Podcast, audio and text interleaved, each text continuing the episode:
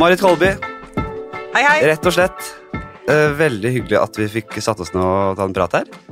Ja, Veldig hyggelig at jeg ble invitert Ja. til en litt annen type podkast enn det jeg pleier å bli invitert til. Ja, det er litt annen type podkast for meg òg. Eller, jeg har jo vært innom eh, Altså, De som hører på Fladseth, vet jo at det her er mye rør og tull og tøys. eh, Nesten bare det. Så snakker vi litt alvorlig innimellom, men det er Det har på en måte vært mye komikere innom og sånn, men så har jeg hatt en drøm om å få inn folk jeg syns er interessante, og, som, og snakke om temaer jeg syns er viktig og interessant. Og du blir på en måte første gjesten, uh, den type gjest. Ja, så gøy. Det Er- må jeg jo ta som en liten ære. Ja, er ikke en liten Ja, ære, da? Det må jeg si. En Ja. liten ære. For vi skal snakke, og jeg har jo også snakket om at jeg, har- jeg har tatt en liten øh, altså, tatt en liten sånn øh, Endret livsstilen litt. Ok. Det siste etter at jeg øh, ble litt tjukk og, og fikk noen høye øh, verdier på noe kolesterol og noe urinsyre og noe greier i, mm, i pandemien. For jeg begynte jo å måke på med både rødviner og coq au vin-gryter og på tirsdager, og det var helt kaos da vi liksom var i lockdown. Og så øh, måtte jeg ta litt grep. Og så har jeg på en måte bare blitt veldig interessert i hva som liksom hva som gjør deg tjukk og usunn, hva som gjør deg eh, tynnere og, og, og sunnere. Og dette henger jo også sammen med eh, søvn, og det er mye greier, da. Mm, det, er mange, det er mange elementer som er med på det der. Du er, ja, ikke sant? Men bare ta kjapt, bare sånn eh, Du vet, altså Utdannet innen eh, matvitenskap og ernæringsbiologi, Ja. Og så kan flotte deg med en bachelorgrad i matvitenskap fra en MBU i Ås, og mastergrad i ernæringsbiologi fra Universitetet i Oslo. Mm. Uh, og så uh, er, har du også jobbet som vitenskapelig assistent uh, på avdeling for cellebiologi på, ved Radiumhospitalet. Og der forsket du på signalveier i DNA-reparasjon. Og dette er, det er såpass stort tema og såpass vanskelig, men det er interessant, fordi jeg har jo babla om dette litt i det siste, i podkasten også. Fordi jeg har lest den boka til David Sinclair, dette snakka vi om på telefon. Mm. Uh, hva, hva kan, man, kan man si noe kjapt om det, da? Ja, For, for, bare bare så jeg, sånn jeg har forstått det Det er jo på en måte det Altså, genmaterialet vårt er på en måte Bestemmer på en måte hvem vi kan være. mm. Og så er det øh, noen prosess altså, nå- Så er det kommunikasjon fra liksom celle-DNA-nivå ut til kroppen for å liksom sette til, til liv hvem vi skal være, og hvilke prosesser som skal skje, og alt det der. Og der er det Kan vi si det så enkelt om at, som at det, det er en av hovedgrunnene til at vi blir gamle og forråtner, og at cellene våre dør? At den, de signalene der slutter å virke optimalt? Ja, altså alt er jo i bunn og grunn styrt av genene våre. Eh, og så eh, er det fort å tenke seg at, eh, at man er på en måte født med et sett med gener, og det er den pakka du har fått utdelt, og så går det bra eller ikke bra. Ja. Men det er ikke sånn vi mennesker fungerer, da. For det, det settet med gener påvirkes i veldig stor grad av hva vi gjør, og da, har, da kommer vi tilbake til dette med, med søvn og med stress og med mat og med, også med sosiale relasjoner og Ja. eh, fysisk aktivitet og sånn. For eksempel, det er liksom kanskje de fem store faktorene som påvirker dette mest. Ja. Eh, Så det settet du har med gener, det vil endre seg, et, eller uttrykket av det genene som vi kaller det, da. Hva slags proteiner er det som lages fra de forskjellige genene, og hvordan vil de virke sammen i kroppen. Mm. Eh, Det vil endre seg etter hva du gjør. Så du vil ha Hvis du kunne gått inn i en slags sånn total kroppsskanner og fått et sånn totalt bilde av hva har jeg i kroppen min nå, Ja. så ville det sett annerledes ut, eksempel etter en eh, Hvis du døgner, da, Ja. eh, ikke sover noen ting, ja. eh, så ville det sett annerledes ut enn hvis du hadde fått eksempel en, en god natts søvn på åtte timer. Så det endrer seg bare av en, en, en liten døgning eh, Yes. En liten, Det- en liten allrounder med full kjør der. Så er det, Det er noe å tenke på eh, for de som har vært eh, russ og sånn. ja, men kan det gjøre eh, Det kan sette evige, permanente spor? Nei, Eller- det, nei, det gjør det ikke. Men hvis du, hvis, du, um, hvis du holder på på en måte som ikke gir kroppen mulighet for å opprettholde god helse over lang tid, så kan det etter hvert sette permanente spor. Ja. Eh, og det kan f.eks. det med, med kosthold, da. altså et dårlig kosthold, kan etter hvert sette permanente spor. Det, det, det, dette kaller vi for epigenetikk. Ja, Eh, epi betyr jo over, så det er på en måte et slags nivå over selve, eh, selve genene, eh, hvor du da styrer uttrykket av gener. Så det kan endre seg, og det kan faktisk også nedarves. Så det er jo interessant, fordi at hvis mor f.eks. Ja. da i svangerskapet Ja. spiser veldig usunt, så ser vi at ja, det påvirker også avkommet etterpå. Så dette kan forplante seg nedover i generasjoner.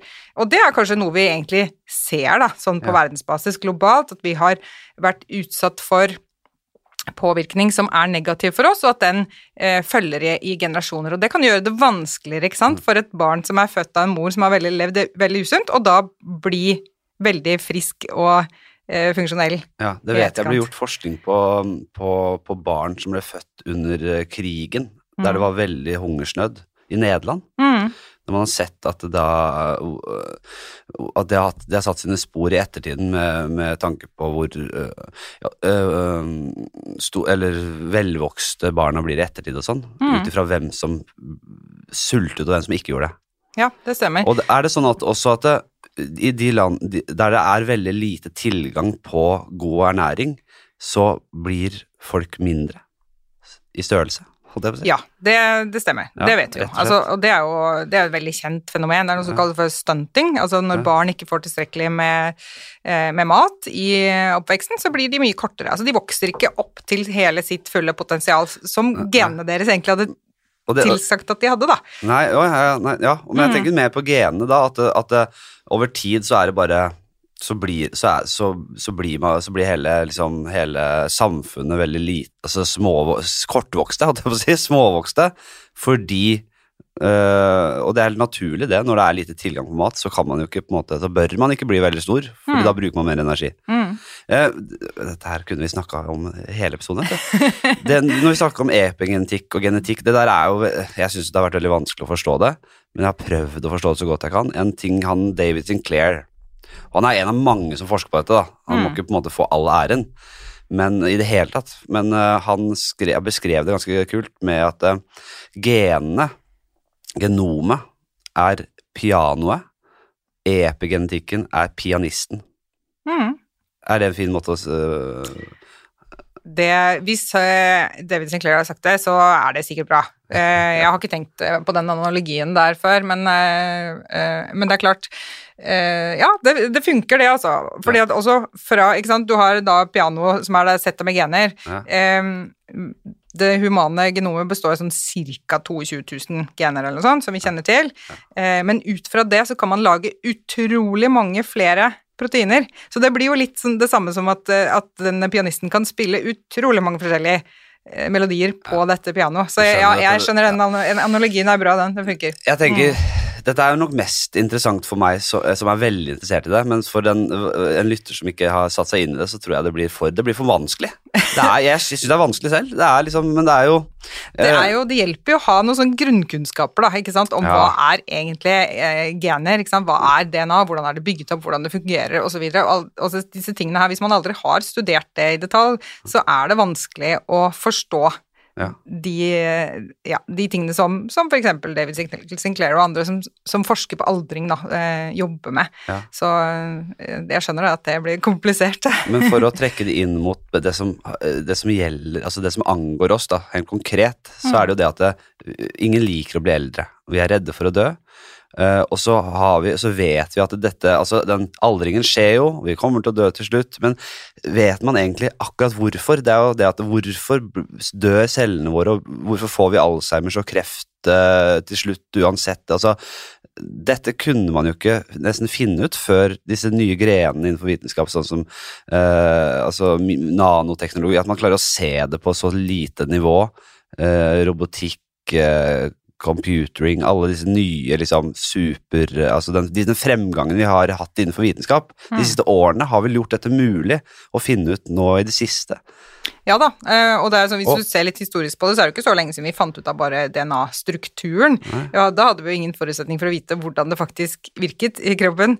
Eh, Så det har jo skjedd en helt eh, vanvittig utvikling, selvfølgelig, på alle de årene. Vi har fått, som du sier, veldig mye interessant teknologi som gjør at vi kan studere disse tingene her i detalj. Vi kan f.eks. se på ja, hvordan enkelte gener endrer seg med forskjellige typer påvirkning, og så kan vi jo bruke både bakterier og gjær og eh, modellorganismer som mus og andre dyr, og man kan forske på mennesker, ikke sant, og så se på hvordan disse tingene endrer seg. Så det er jo det er jo først nylig at vi har fått en mulighet til å forstå det, absolutt. Ja. Um, ja. Det er jo på en måte den, eh, det viktigste forskningen som har blitt gjort fra den Sinclair og gjengen, for jeg sier, for det er veldig mange som jobber med det her. Og så er jo ikke aldring enda helt definert som sykdom, så de får mindre forskningsmidler, har jeg skjønt, og de jobber med det å få det, da. Mm. Men det, det de begynte med, var jo da å studere gjærsopp, vel, var det ikke det, og mye på mus, og så at det, hvis de klarte å tilføre noe som på en måte eh, reparerte litt den derre kommunikasjonen på helt på cellekjernenivå, DNA-nivå, eh, som på en måte førte eh, Som kommuniserte ut i kroppen eh, hva som skal skje, hvor, hva du skal være, hvem du skal være. Når det på en måte eh, ble reparert, og, og nå skal jeg ikke gå inn på hvor, akkurat hvordan det, det skjer, men når det blir på en måte reversert eller, eller reparert, så ser man at det, de blir nærmest friske igjen. Mm. Og er det for meg helt spinnvilt, fordi her har man lett etter ungdomskilden i alle år, og det har blitt en floskel, og det er bare, det er bare tull, ikke sant?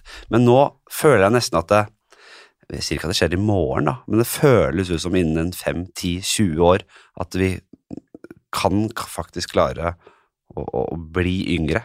Fordi alt handler vel om fysisk alder, ikke hvilket, alder, hvilket tall som står på i passet ditt. Mm. Og det er klart det er kjempestor forskjell mellom eh, altså metabolsk alder, som vi kan kalle det, da, Ja. mellom forskjellige personer. Du kan jo, du kan jo finne 30-åringer som har helse som en 80-åring, og vice versa. Mm. Eh, så det handler jo om sånne ting. Eh, ja, nei, men det er jo veldig interessant det han har holdt på med. Mye av det handler om Det handler jo om å studere forskjellige typer eh, Særlig proteiner som beskytter DNA-et vårt, da. Ja. Ikke sant? Og sørger for eh, at det uttrykker seg på riktig måte, og at det blir reparert, f.eks.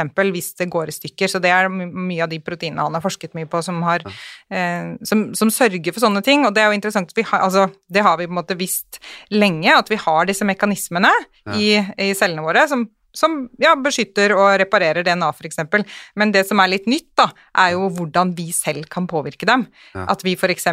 ved å sørge for at vi ikke spiser altfor ofte, så aktiverer vi disse mekanismene. ikke sant? Og det, er- det er jo det som er litt nytt, da, som er litt sånn spennende, for da kan man jo bruke denne kunnskapen til å bedre sin egen helse. Ja, nettopp. Og, yes, det er akkurat det.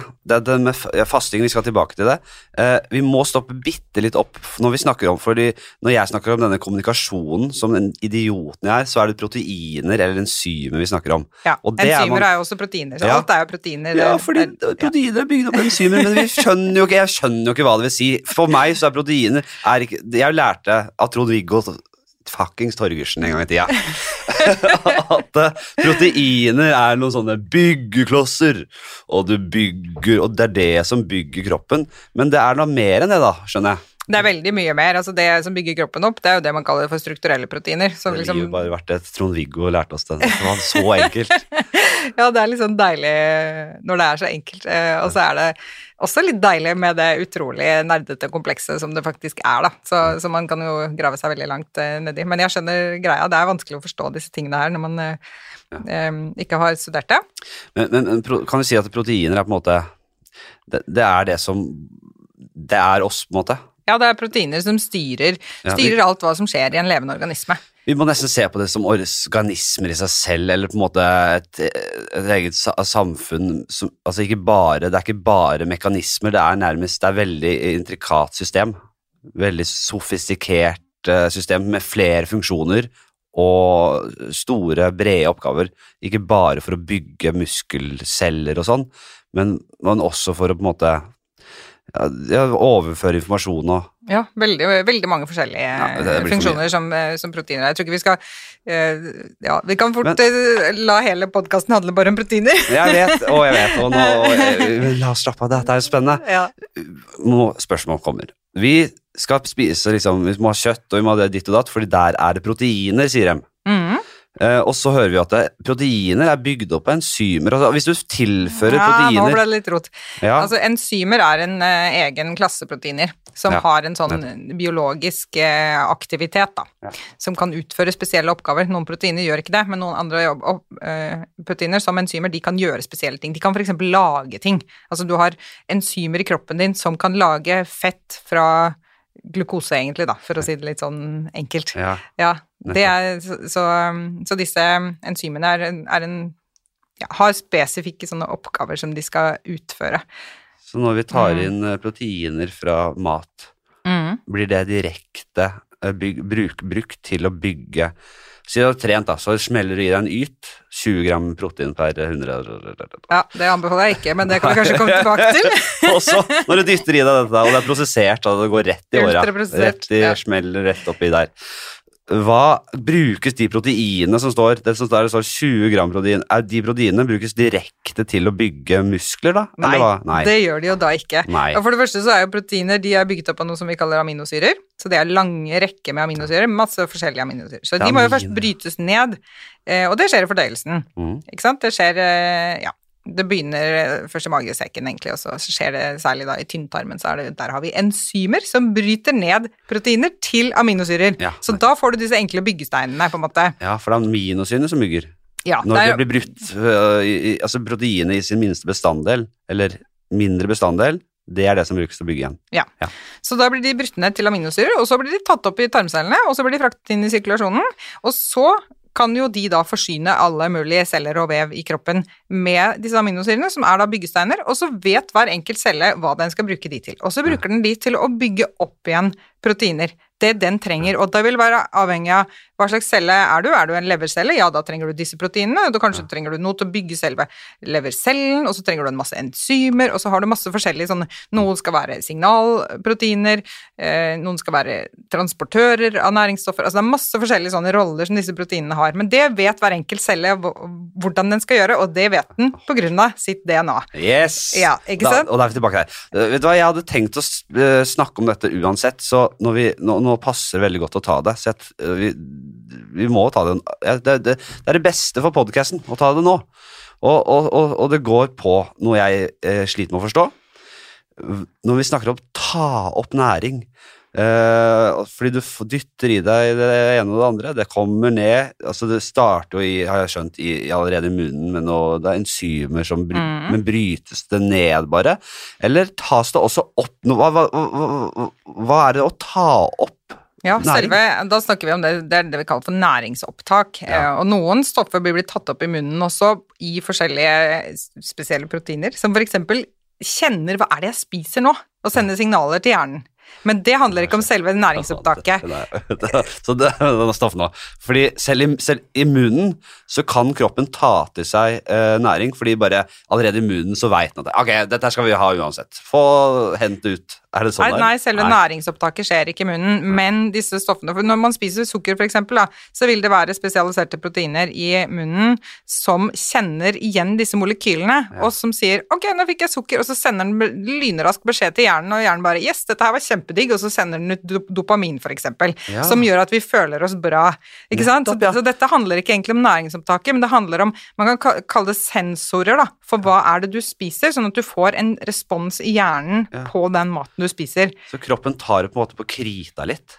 Nå, vi veit det kommer. Vi Ja. vet dette, vi veit det kommer det nå, Det så slapp et, av. ja, det er egentlig et godt poeng, fordi at eh, for eksempel det der med, med mat da, som utløser en sånn dopaminrespons eh, Nå blir dette fort litt sånn nerdete, men eh, siden du nevnte det eh, Så får vi en rask sånn dopaminrespons i, som følge av at maten kommer inn i munnen og vi tygger den, og vi liker den, ikke sant? Vi liker det vi spiser. Og så skal det komme en dopaminrespons til når maten har kommet ned i tarmen. Og hvis man ikke får den, Mm.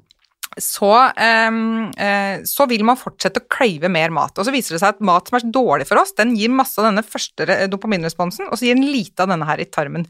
Så det er litt sånn på krita, som du sa. Ja.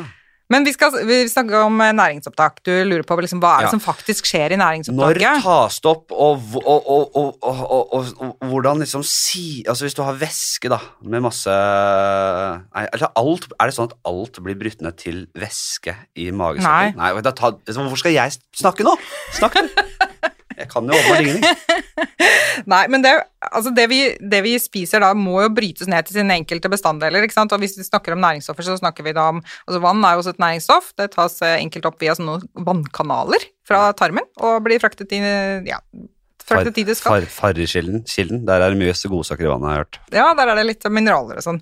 Eh, og så har vi også vitamin, vitaminer og mineraler og sånn, de tas også eh, opp via spesielle mekanismer. ikke sant? Da har man igjen disse proteinene. Der har du f.eks. Kan, kan, kan vi ta bare hva som skjer i magesekken først? Ja. For det lurer jeg Vi må ta det liksom steg for steg, fordi det vet ikke jeg nødvendigvis hva som foregår der inne. altså. Ja, det er masse som skjer i magesekken. Eh, og gikk jo liksom kjapt gjennom munnen, og der skilles det ut noen enzymer som begynner å bryte ned næringsstoffer og sånn. For, for, det meste karbohydrater er det som begynner å brytes ned i, i munnen. Um, og så, ja, så kommer maten ned i magesekken, og der får du jo et realt syrebad, for der er det jo saltsyre. Ja. Så det skal jo eh, blant annet drepe bakterier, men det skal også begynne å bryte ned maten. Det begynner å løse opp maten. Eh, man kan jo, altså Hvis man hadde lagt liksom et stykke kjøtt i saltsyre, så løser det seg opp Ja. til en sånn gugge.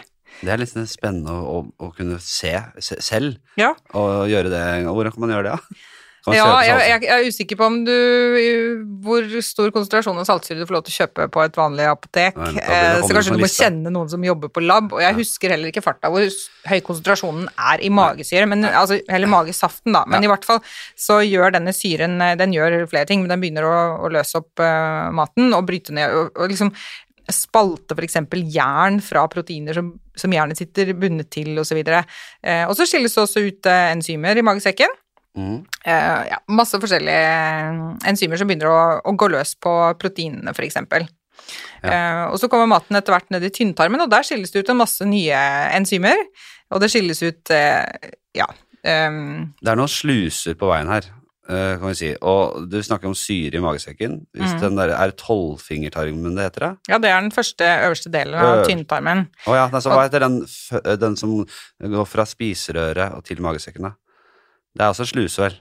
Eller er det bare rett ned i sengen? Nei, det er jo en, For- det er jo ventil der, da. Ja, ventil, Ja, for det, som- hvis den er litt slapp, hvis du er litt slapp i, i ventilen, Ja. ikke misforstå meg, i, ma, i spiserørsventilen, Mm. eh, så kan jo syra komme opp i spiserøret igjen, og det Mm. skaper halsbrann.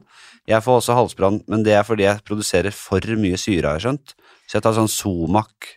eh, Men det er også ja, det er jo mer- det, er, det som er interessant der, er jo at det er veldig mange av de som endrer til et bedre kosthold, som melder om at sånne problemer forsvinner. Mm. Sånn at hvis man Så det er det også Det henger også sammen med hva hva er det du faktisk spiser? Ja. Om disse mekanismene her får, får lov til å fungere sånn som de skal, da. Ja. Så det er ikke nødvendigvis sånn at, at jeg, sånn er jeg, jeg har sure oppstøt, ferdig med det, liksom. Nei. Det går an å endre det, men det går an å, å forbedre på det som ikke fungerer så godt i kroppen, da, ved å, gi kroppen ordentlig mat. Ja, det er Så, helt klart. er men det kommer vi, vi kommer Jeg sikkert litt merker jo selvfølgelig forskjell, men jeg har Mm. eh, jeg kan også Jeg får halsbrann selv med det råeste kostholdet over en hel uke, liksom. Så er det, Mm. det er, men det, det Når jeg snakka om slusene, så tenkte jeg mer på Når veit kroppen at nå, nå er det ferdig, nå slippes det, nå slippes ned slusa i ned tynntarmen? Skjønner du hva jeg mener? Ja, eh, det der vet jo magesekken, på en måte. Altså, den er jo programmert til å gjøre den eh, oppgaven veldig fin, så den har på en måte Den fungerer som en slags sånn reservoar da, for alt dette maten vi har spist, som vi har tygget og svelget og sånn, og så ligger den og godgjør seg i magesekken og blir blandet med, med magesyre og med enzymer og sånn som skilles ut, eh, og så slippes den da sakte, men sikkert ut i tolvfingertarmen. Ja. Eh, litt og litt av gangen, og det, det her avhenger litt av hvor mye man har spist, og hva man har spist. For eksempel har du spist mye fett, så vil det slippes saktere ut. Fordi at da skjønner eh, fordøyelsessystemet det, at jeg kan ikke slippe ut dette her så fort. Fordi at det fettet bruker ganske lang tid på å fordøyes videre og tas opp i tarmen. Ja. Så derfor så sørger magesekken for å holde igjen, sånn at det på en måte er i synk da, Men hvordan i all verden klarer den å holde igjen eh, bare fettet, da? Hvis det er i Nei, nei, den holder igjen hele mageinnholdet, Ja, ja. men, men det, hvis det inneholder mye fett, så Ja. vil det bli liggende lenger i magesekken, og det går saktere. Så fettlampa til magesekken blinker. Du, du, Ja. det, er, veldig mye høyt fettenivå her. Vi må vente. ikke så fort, ikke så fort. Ja, Dette, ja, ja. ja. Så, så da slippes dette mageinnholdet ut, og det, det er jo veldig surt ikke sant, når det kommer fra magesekken. Ja. Så det, og det er ikke tynntarmen så glad i. Så Nei. derfor så skyller bukspyttkjertelen ut eh, noe som vi kaller for bukspytt, som nøytraliserer denne syren. Som gjør at eh, da eh, blir det, altså pH-en da, som vi kaller det, altså surhetsgraden, den stiger igjen da. For ellers så ville det skade den tynntarmsoverflaten, disse veldig fine spesialiserte cellene i tynntarmen. Så, og på tynntarmen så sitter det jo noe vi kaller for eh, tarmtotter, som er sånne utbuktninger. Og på de igjen så sitter det noe vi kaller for børstesøm, som er utbuktninger på Nå er vi i tynntarmen, ja. Ja, nå er vi tynntarmen. Ja, ja, Og på alle disse her så sitter det tett i tett i tett i tett med celler som er, eh, som er selve de opptakscellene, da. Ikke sant? Som har disse spesialiserte mekanismene, som har alle disse proteinene, som veit at ok, der nå merker jeg at der kommer det et, eh, et jernatom. Eh, Det må jeg ta opp. Og, nå er vi liksom på sånn Trond-Viggo holdt på, ikke sant. Fordi Ja. her er, vi, må, vi er på cellenivå, så dette er jo en helt annen verden for oss. Mm. Noe helt annet enn det vi ser til vanlig.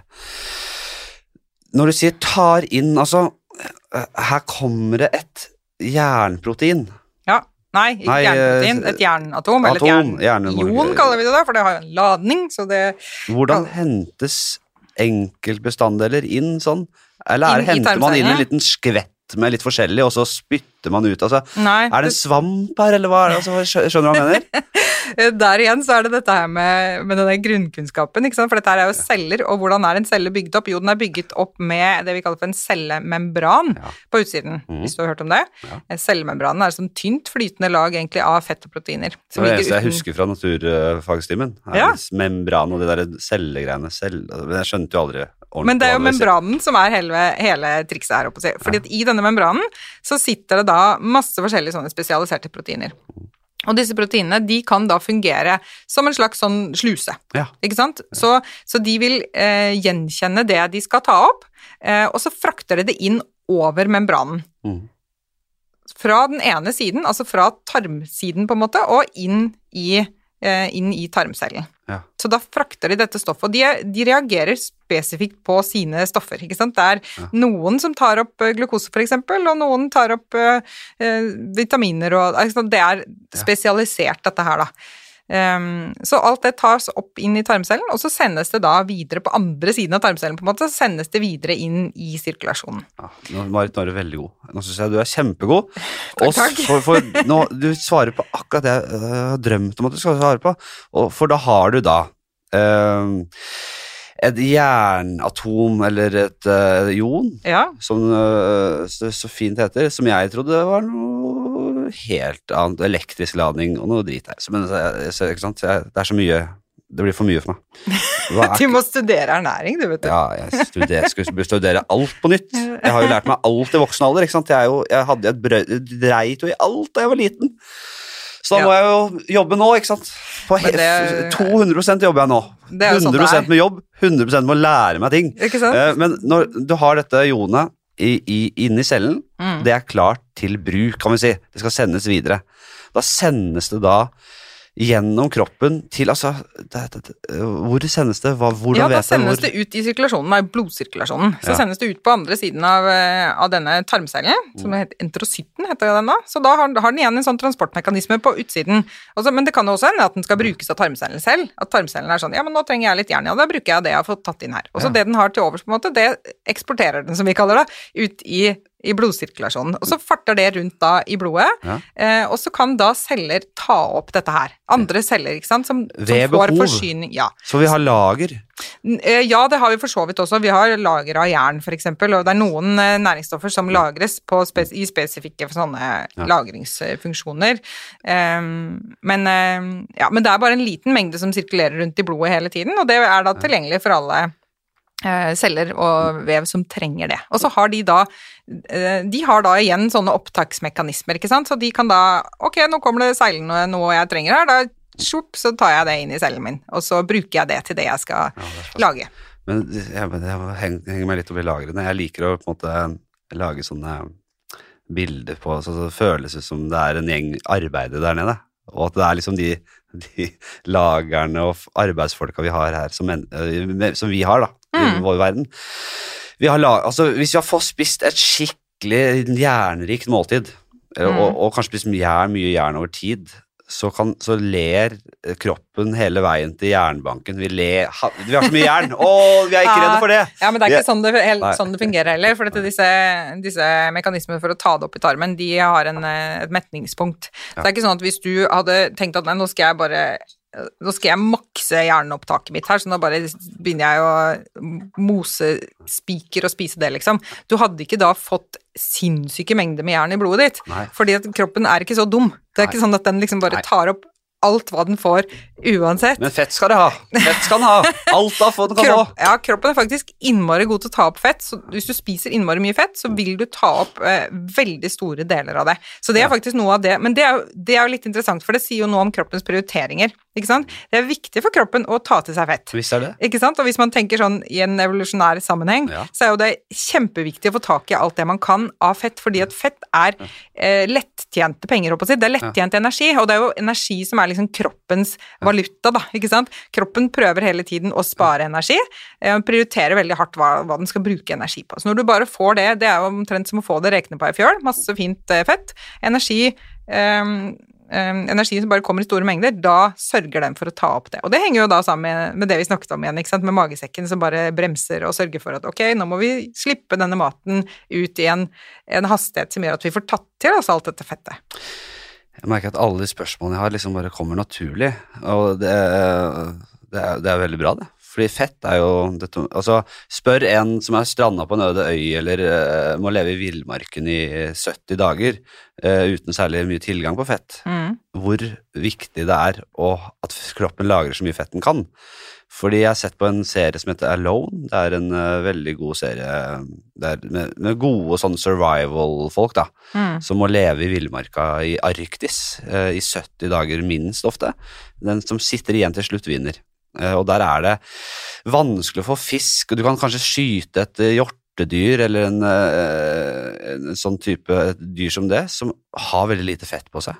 Og så kan de likevel dø av underernæring, eller fordi det er, for, det er for lite fett. De blir for, de blir for uh, tynne, rett og slett. Det Mm. holder ikke seg selv. De må ha fisk, fet fisk, for å kunne legge på seg, eller for å kunne opprettholde uh, prosessene riktig. Da. Så da skjønte jeg hvor viktig det faktisk er, det, og hvor genialt fett er, som kan omdannes til energi. Mm, det er kjempe, kjempesmart. Og det er veldig sånn, ikke sant? Det er veldig sånn effektiv måte å både eh, ta til seg energi på også lagre energi. Det er jo eh, grunnen til at vi lagrer energien vår som fett. Mm. Fordi fett er lett, det veier jo lite. Mm. Eh, I forhold til hvis du lagrer Du har et lite karbohydratlager også, ikke sant? Både muskler og lever så har vi lager av karbohydrat i form av noe som vi kaller for glykogen. Og det binder til seg vann, så det blir kjempetungt.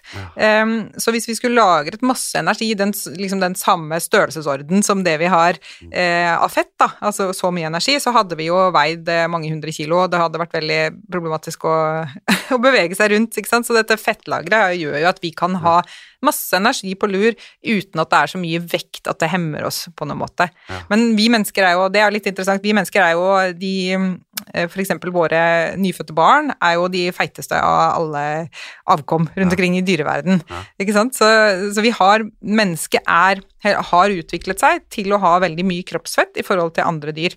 Eh, og det har nok sammenheng med vi har, hva vi har utviklet oss til å gjøre, da. Ikke sant? Tilpasset oss til å f.eks. Bevege, oss over lange avstander og eh, kanskje måtte gå lenge uten mat, og vi er nødt til å ha gode energilagre, da. Det er interessant det, da, fordi det jo, finnes jo andre dyr som beveger seg over et reinsdyr, eksempel. Veldig magre dyr, Mm. men de gjør jo det samme. Altså, mennesker har jo ofte vandret mye, men reinsdyr gjør jo det i aller høyeste grad. Men ikke, har ikke, de har ikke det samme fettet. Mm. Nei, de har ikke så stor fettprosent eh, som, som det mennesker har. Men de har kanskje også en større evne til å finne mat eh, underveis, eh, uansett hvor de går, da. Ja. Eh, kan hende. Kan hende. Ja. Det er ikke, vi er ikke her for å snakke om Altså, jeg syns det har vært en veldig god start, og jeg har fått veldig forståelse for disse prosessene fra å ta inn mat i nebbet til at det blir tatt opp i cellene her. Eh, som jeg ja, Du forklarte på en veldig god måte. Skal vi se, for det, det ble mye det, ble, det tok en litt sånn annen vei enn jeg tenkte. Det jeg først skulle først spørre om, og Ja. nå skal vi litt inn på Dette ble det veldig teknisk. men vi jeg- snakke om det vi egentlig skulle snakke om? ja. Er det det du sier? Jo, egentlig, hva er egentlig? Jeg eh, skulle spørre deg, hva, har du spist frokost i dag? Jeg har ikke det, vet du. Nei, ikke jeg heller. Nei. Jeg eh, Jeg liker jo å faste litt eh, og utsette frokosten, og så spise første måltid eh, til lunsj. eh, Og det syns jeg er mye lettere å gjøre når jeg har et eller annet jeg skal. Ja. Så jeg benytter alltid sjansen hvis jeg skal på et eller annet, så spiser jeg ikke frokost. For da er jeg jo eh? Da er jeg avledet, så tenker jeg ikke noe særlig på det. Jeg syns det er mye vanskeligere når jeg sitter hjemme foran kjøleskapet og ikke spiser. Ja, Så men å faste da. jeg, jeg har jo jeg, jeg elsket frokost. Det var mitt yndlingsmåltid. Jeg elsker brød og pålegg og melk, og jeg elsket det greiene der. Og så ble jeg veldig øh, frelst av tanken på fasting og ideen om fasting, og tro veldig på det selv, så jeg klarte å jeg, det, krevde litt av meg, men jeg klarte å kutte ut eh, både kveldsmaten Jeg, spiste, jeg spiser ofte et ganske stort måltid rundt seks-syv, men det er, det er ikke, jeg føler ikke helt slavisk, men ofte gjør jeg det. Veldig ofte. Og så, så at jeg ikke blir sykt sulten når jeg skal legge meg. Mm. Og så, hvis jeg klarer å sovne da, og våkner igjen, så syns jeg det er veldig mye lettere å ikke spise. Fordi da er på en måte liksom, kroppen er litt vant til å ikke ha fått mat på en stund, så da syns jeg det er mye lettere. Da kan jeg gå til godt ut på dagen. I dag, for eksempel, nå er klokka vi spiller inn, er klokka rundt elleve. Eh, jeg tror jeg kan klare å vente til å innta et måltid til ja, kanskje rundt to, da. Og da har jeg hatt et eh, Nå drakk jeg litt eh, vin og sånn på kvelden i går, da. Men da har jeg prøvd å vente så lenge som mulig. Mm. Og du Og- kunne ventet mye lenger også, hvis du hadde bare bestemt deg for det, da. Ja, det ja noe... du vet jo det at det er jo null problem. Det er jo mange kulturer som faster i eh, Hvor, i, i- hvor mye er det? Flere dager. Ja, det er litt forskjellig sånn. Og, og de klarer Og så, vi har jo disse lagrene Ja av karbohydrater og fett som Kunne du satt deg på øde og sittet der fint en måned, du, eller kanskje to, faktisk, hadde du hatt vann. Så, ja. Ikke vær frekk. Nei, men det kunne jeg også. så det, det, var ikke, det var ikke sånn ment, men et normalvektig menneske da kan stort sett overleve på sine reserver et par måneder. Faktisk. Så det er, ganske, det er ganske utrolig hvor mye energi vi bærer rundt på, da. Eh, Men det er jo meningen at vi skal ha det lagret. Det er jo ikke meningen at vi skal sette oss på nødøy og bruke det opp, for dette, da er vi jo ute å kjøre etter hvert. Det er mange som mener at eh, man blir ja, At det går liksom på blodsukker, og noen må jo ha må, Er det tull? Altså, med mindre du har liksom diabetes, er det, er det bare eh, Er det bare noe du innbiller deg? At du blir slapp og ukonsentrert og hvis du ikke spiser? Fordi den maten du tar inn, skal vel ikke Du får vel ikke tatt til deg næringen før en god stund etterpå likevel? Med mindre disse Um, dopamingreiene er vel det du- som vi snakka om i stad. Det, som det som gjør at du tror du på en måte får, eh, får det du trenger. Men du, det tas jo bare fra lagrene. Nei, Først altså gjør det ikke det, da? Nå kom det mange spørsmål på en gang. Sorry. Sorry. det går bra. Og vi kommer du- aldri inn på Nei, å starte der. Vi har ikke starta ennå. Tenk hvor mye, vi har snak- vi har, hvor mye bra vi har snakka om til å ikke ha starta, da. Jeg Det må være verdensrekord. Vi kunne døgna, vet du, og Ja. sitte der og pratet eh, om, eh, om dette en, en, et helt døgn. Men i hvert fall, du spurte for, eller Du nevnte noe om at det tar ikke så lang tid før vi tar det opp, men det gjør det. Altså, det går faktisk kjempefort. Ja. Hvis jeg eh, på tom mage gulper ned på en flaske brus, så kan jeg måle det på blodsukkeret mitt Ja. i løpet av bare et par minutter. Ja. Så det går kjempefort, Ja. denne, disse opptaksmekanismene. Men også snakket du om dette med blodsukker, om det er bare noe man innbiller seg, osv. Og, så videre, og det er, eh, det er veldig mye psykologisk. Ja. Ikke sant? Hvis man har fortalt seg selv at jeg er nødt til å spise noe, ellers så fungerer jeg ikke, så er sjansen ganske stor for at man opplever akkurat det. Men så kan du gjøre det sånn som du gjorde da, at du bare Ja, men nå skal jeg prøve å ikke spise frokost, så ser jeg hvordan det går. Og Og det man da vil oppleve, det veldig mange melder tilbake, er at når de eh, De må bli litt vant til det. Ikke Ja. sant? Kroppen må venne seg litt til det, for man blir flinkere og flinkere til å bruke av sine fettreserver, for det er det du lever på når du ikke har spist. Ja. Etter hvert som man eh, At jo mer man gjør det, så blir man på en måte bedre til det. Eh, Så det kan være litt tilvenning over en liten periode. Men det veldig mange melder tilbake om, er jo at ja, men jeg er jo faktisk mer konsentrert. Jeg er mer Ja, opplagt. jeg har masse jeg, jeg merker masse på det. Ikke sant? Jeg blir så Jeg, så, jeg, jeg, kjempe, jeg, jeg, jeg er i kjempeform. Ja, det er mange som sier det at de kan liksom Og jeg også merker det selv, at når jeg ikke har spist, så kan jeg være skikkelig Jeg kan være utrolig energisk og spretten og ha, liksom, ha lyst til å løpe i trappene og sånn. Men, Men her må vi også trekke ned evolusjonen, da. Fordi øh, det er jo litt sånn, man merker jo Altså, si at vi er eh, vi, vi, vi, vi, Si at vi ikke lever i et sånt enormt overflodssamfunn som vi gjør, da. Mm. Så er vi ute og jakter, vi skal ha denne maten, vi bruker kanskje flere dager på å finne et bytte eller mat vi skal ha. Og da er det jo veldig unaturlig at man skal gå rundt og være slapp og doven og på en måte øh, tilfreds. Ja. Man skal jo på en måte være på tå hev og være så konsentrert som mulig for å skaffe denne maten. Ja, og men når du først får, og når du får i deg den maten, da Mm. blir man slapp. Ja.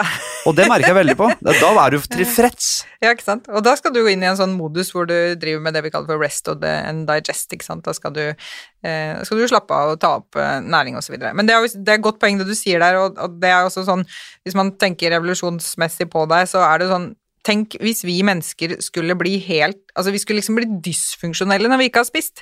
Eh, tenk så lite overlevelsesevne vi hadde hatt da opp igjennom evolusjonen. Så, Ja, så det er jo nettopp. Det, ble, det er jo faktisk den motsatte som skjer. Det man merker at når man ikke har spist på lenge, eh, og, og kroppen bruker av sine energilagre, eh, så opplever mange faktisk det motsatte. Man kan nesten bli en sånn altså man- blir ekstra energisk, man blir ekstra på alerten, man eh, konsentrerer seg bedre, og det, det vil jo da det vil jo gi økt sjanse for å felle dette byttedyret, eller å oppdage noe mat et, et eller annet sted, ikke sant? Så det, så det gir jo fullstendig mening sånn sett. Ja. Og så har vi også, når, altså når vi bruker av våre egne fettreserver, som det er det vi gjør, ikke sant, når vi faster, Mm. eh, så, så medfører også det at vi skiller ut noen sånne spesielle stoffer, eller vi danner som en biprodukt av fettnedbrytingen, så danner vi noe som kalles ketonlegemer. Det har du kanskje hørt om? Er vi på ketose Ja, er for, ja, for så vidt. Men disse ketonlegemene de bremser jo f.eks. sulten.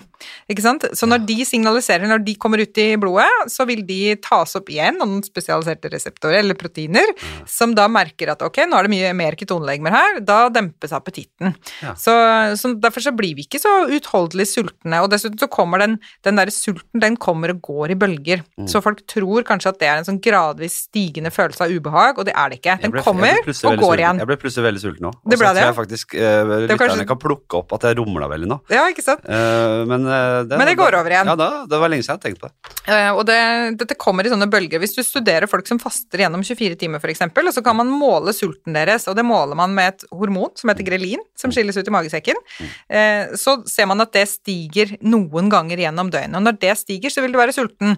Og så spiser du ingenting, og så faller det igjen. Så da er du ikke sulten eh, lenger. Og så stiger det etter en stund igjen, og så faller det igjen. Og så driver det på sånn gjennom, eh, gjennom døgnet. Og så sulten kommer og går enten man spiser eller ei. Ja. Så, men litt tilbake til dette med blodsukkeret, for det har jo blitt litt sånn altså det er jo dette her er jo matindustrien som har dyttet på oss det budskapet at man skal spise ofte og lite, og at man skal holde blodsukkeret oppe. Hele det- tiden dytte noe inn i nebbet. Ja, ikke sant? Og dette her er jo bare tull, for det er, så, det er ikke sånn at vi mennesker skal styre vårt eget blodsukker utenfra. Kroppen styrer blodsukkeret innenfra. Ja. Og blodsukkeret er normalt For en arrogant idé Ja, at vi skal styre det. Vi tror liksom at vi kan bedre kroppen vår bedre enn kroppen øh, skjønner seg selv. Ikke sant? Den har, har veldig sånne sofistikerte systemer for å passe på at blodsukkeret er riktig hele tiden, og blodsukkeret vårt er normalt når vi ikke har spist. Mellom måltider, da er blodsukkeret normalt. Når du har spist, så stiger blodsukkeret, og det er unormalt. Så, eller det er jo normalt i forbindelse med et måltid, da selvfølgelig, men da er ikke blodsukkeret normalt lenger. Og det kroppen søker da, er å få blodsukkeret ned på normalen igjen. Ikke sant? Ta det opp inn i celler, få det lagra, sånn at blodsukkeret kan være normalt. Fordi at det er det som er riktig innstilling på en måte det meste, meste av døgnet. Mm. Eh, og, og høyt blodsukker over tid vil jo medføre skade eh, i kroppen. Så, så derfor så vil kroppen regulere dette her ned. Så det man gjør egentlig hvis man spiser ofte, og særlig hvis man spiser da noe som inneholder mye sånne raske karbohydrater, så motvirker man jo egentlig Eller man motarbeider kroppens egen, eget ønske om å holde et stabilt, normalt blodsukker. Ja. Så, og, og jo mer ofte man spiser, jo mer svinger dette blodsukkeret. Og der ligger noe av det du spurte om i stad. fordi at hvis du spiser da eh, spiser et eller annet som inneholder mye sånn, ja, det vi kaller raske karbohydrater, altså mye sukker og så stivelse og sånne ting, så går blodsukkeret i taket. Og selvfølgelig enda mer hvis du spiser hvis du drikker brus eller sant, spiser Ja. boller til frokost eller et eller annet sånt, Ja. så, så stiger blodsukkeret masse. Eh, og det er helt normalt, og det, kroppen hans, altså friske kropper hanskes fint med det. Ja. Men når blodsukkeret faller igjen i etterkant, så er det mange som kjenner på eh, ubehag. Og, da, og de kan bli sultne, irritable, trøtte, aggressive og sånn, og da søker man på en måte å motvirke den effekten med da å spise igjen. Så det man fortsetter med da, er en sånn håpløs berg-og-dal-bane av eh, blodsukkerstigning og blodsukkerfall. Så det man må gjøre for, i stedet, er å bare ikke spise så ofte eh, så mange eh, måltider i løpet av en dag. Mm. Eh, sørge for at man ikke får den høye blodsukkerstigningen, hvis man er da følsom for dette. Det er ikke alle som er det. Men da kan man heller spise måltider som inneholder lite av det vi kaller raske karbohydrater. ikke sant? Og mer fett og proteiner osv., så, videre, så man holder seg mett lenger. Ja. Og da ikke får det behovet for å dytte noe i nebbet hele tiden, som du kaller det. Ja. Dette er veldig Eh, og det er mange som opplever det, at hvis jeg begynner å spise sjeldnere, og særlig spiser mat av bedre kvalitet, så Mm. blir de mindre sultne. Og det er litt sånn kontraintuitivt, men det er faktisk sånn det fungerer. Ja. Eh, og det er også fordi at det gir en bedre sånn regulering av appetitten. Og dette her skjer, eh, den reguleringen skjer jo i hjernen, ja. den reguleringen av appetitten. Mm. Jeg, jeg, det er så utrolig interessant. Jeg, øh, bare så før jeg glemmer det, du har en matblogg som heter Matlyst. Ja, der er det mest, der er bare oppskrifter. Det er Ja. ikke noe, det er ikke noe sånn Det er eh, fint, jeg bare så plugger det litt. eh, Ja. Det er fint for deg. Uh, Men jeg har en Instagram-side da, som ja. er, eller Instagram-konto som jeg formidler mye sånn populærvitenskap på, og der ligger jo alt sånn som dette her vi snakker om nå. Her prøver jeg å oppsummere sånne, sånne ting på en litt sånn enkel og greit forklart måte. Et sånn destillert budskap som jeg tenker er nyttig for folk. kommer jeg til å tagge deg eh, i forbindelse med det, selvfølgelig. Hva heter det? Heter den? Det heter bare Marit Kolby. Ikke sant. Mm. Da vet dere det. Eh, nå Nå uh, Vi har jo på en måte snakket mye om det òg, da, men mm, jeg, jeg ba jo Jeg ba jo jeg, ba jo, jeg sa til deg at eh, jeg vil egentlig bare høre deg prate om det du syns er mest interessant, og det du brenner mest for. Og så tar vi det derfra. Og det tror jeg er strategien jeg skal kjøre på disse podkastene framover. Mm. At det, hvis, hvis, hvis folk får snakke om det de syns er det viktigste og mest interessante, så går det vel av seg selv. Og det, eh, sånn jeg har forstått det, det er jo det som Men nå har vi hatt liksom ja, grunnkunnskap i cellebiologi og Nå- fordøyelse og ja, sånn der også. og, også. og, og som du også har sagt, at det, eh, eh, det er sånn at eh, folk er interessert i dette, men mest, folk, vi er jo noen egoistiske drittsekker hele gjengen. Så folk er ja, Det er mine ord. Eh, så folk er eh, mest interessert i hva som eh, gir dem selv god helse. Veldig konkret. Hva skal jeg gjøre her? Jeg Mm. driter i bakgrunnen for det. Hva Mm. skal jeg gjøre her? Hva skal jeg ta, spise? Hva skal jeg gjøre? Eh, og så bryr de seg ikke så mye. De begynner å gjespe og skrur av, som du sier ofte, når det er snakk om bærekraft og miljø, og også hvis det blir veldig teknisk. Mm. Men du er jo veldig interessert da i det helhetlige perspektivet på mat. Eh, der helse, matproduksjon og bærekraft spiller en viktig rolle. Er det sånn essensen av det, som jeg har forstått her? Ja, det er jo det, det, dette vi kaller for matsystemet, ikke sant. Og det er sånn, da begynner folk å sovne når jeg snakker om sånne ting. Men innenfor, innenfor matsystemet er det liksom tre sånne, mener jeg da, veldig viktige eh, temaer, og det er jo da helse, miljø og eh, dyrevelferd, eh, som liksom, ja, påvirker oss i veldig stor grad, og som, eh, eh, som vi trenger å ivareta, da, ikke sant? Når vi spiser, så trenger vi å ivareta alle disse her, eh, temaene der. Ja. Eh, men folk er påfallende opptatt av helse og påfallende lite opptatt av miljø. Det er i hvert fall eh, min erfaring. Ja. Eh, skriver jeg om miljøet miljø på Instagram, så ramler alle følgerne av. Ikke alle, men da ramler følgerne av. Det syns ikke de er så spennende. Så, så det er litt sånn eh, Det er litt interessant hvor lite det egentlig trigger interesse, da. Mens helse, det, det, det trigger veldig mye interesse. Eh, og det er jo, ja, som du sier, men vi står oss selv nærmest, ikke sant. Dette med miljøet som føles kanskje litt for eh, Altså, vi ser jo det at vi har problemer med å liksom ta det innover oss. Ja, det faktisk Det er ser vi, Ja. og det ser vi både politisk og Ja. på enkeltindividnivå. Man ser jo Vi har snakka om det i så mange år at vi må spise mindre kjøtt. Ikke nødvendigvis slutte helt med det over dagen, men vi må trappe ned. Allikevel så går jeg i butikken, og så ser jeg det er så, så jævlig mye kjøtt. ja. Og det vi kan jo ikke spise, klare å spise halvparten av det engang. Man stacker jo opp. Man har jo for en overflod av alt mulig innenfor kjøtt vi har, da. Så burde man ikke sett at det ble litt mer eh, eksklusiv vare, da. Jo, det er jo eh, kanskje dit vi skal, da, ikke sant, i fremtiden. Ja. Og det er jo ikke sånn at vi ikke skal spise kjøtt, men nå er vi problemet er nå at vi har en veldig sånn skeiv fordeling. For det første at det er noen personer som spiser altfor mye kjøtt, og så er det kanskje noen av de som burde spise mye mer kjøtt, som ikke spiser det. For eksempel barn, unge, kvinner i fruktbar alder, eh, eldre osv. Altså det er en del grupper i samfunnet som har veldig økt behov for veldig sånn næringsrik mat, og det, kjøtt er jo næringsrik mat, Mm. ikke sant? Og så har du kanskje noen grupper som spiser altfor mye av det, som kunne klare seg veldig godt med veldig mye mindre. Ja. Så det er den ene greia, og den andre er den kvalitetsgreia. Ikke sant? I hva slags form er det vi spiser det, dette kjøttet? Ja. Spise, altså Før så spiste vi søndagssteik i mye større grad, ikke sant? Og, um, og verdsatte dette Bri- Briskets. ja, for eksempel det også er jo fantastisk godt. Men nå, nå spiser vi jo så mye av denne ultraprosesserte maten. ikke sant? Vi Ja. spiser disse her dårlige pølsene som har lite kjøtt og masse stivelse og vegetabilske oljer, og det er veldig lite råvare igjen.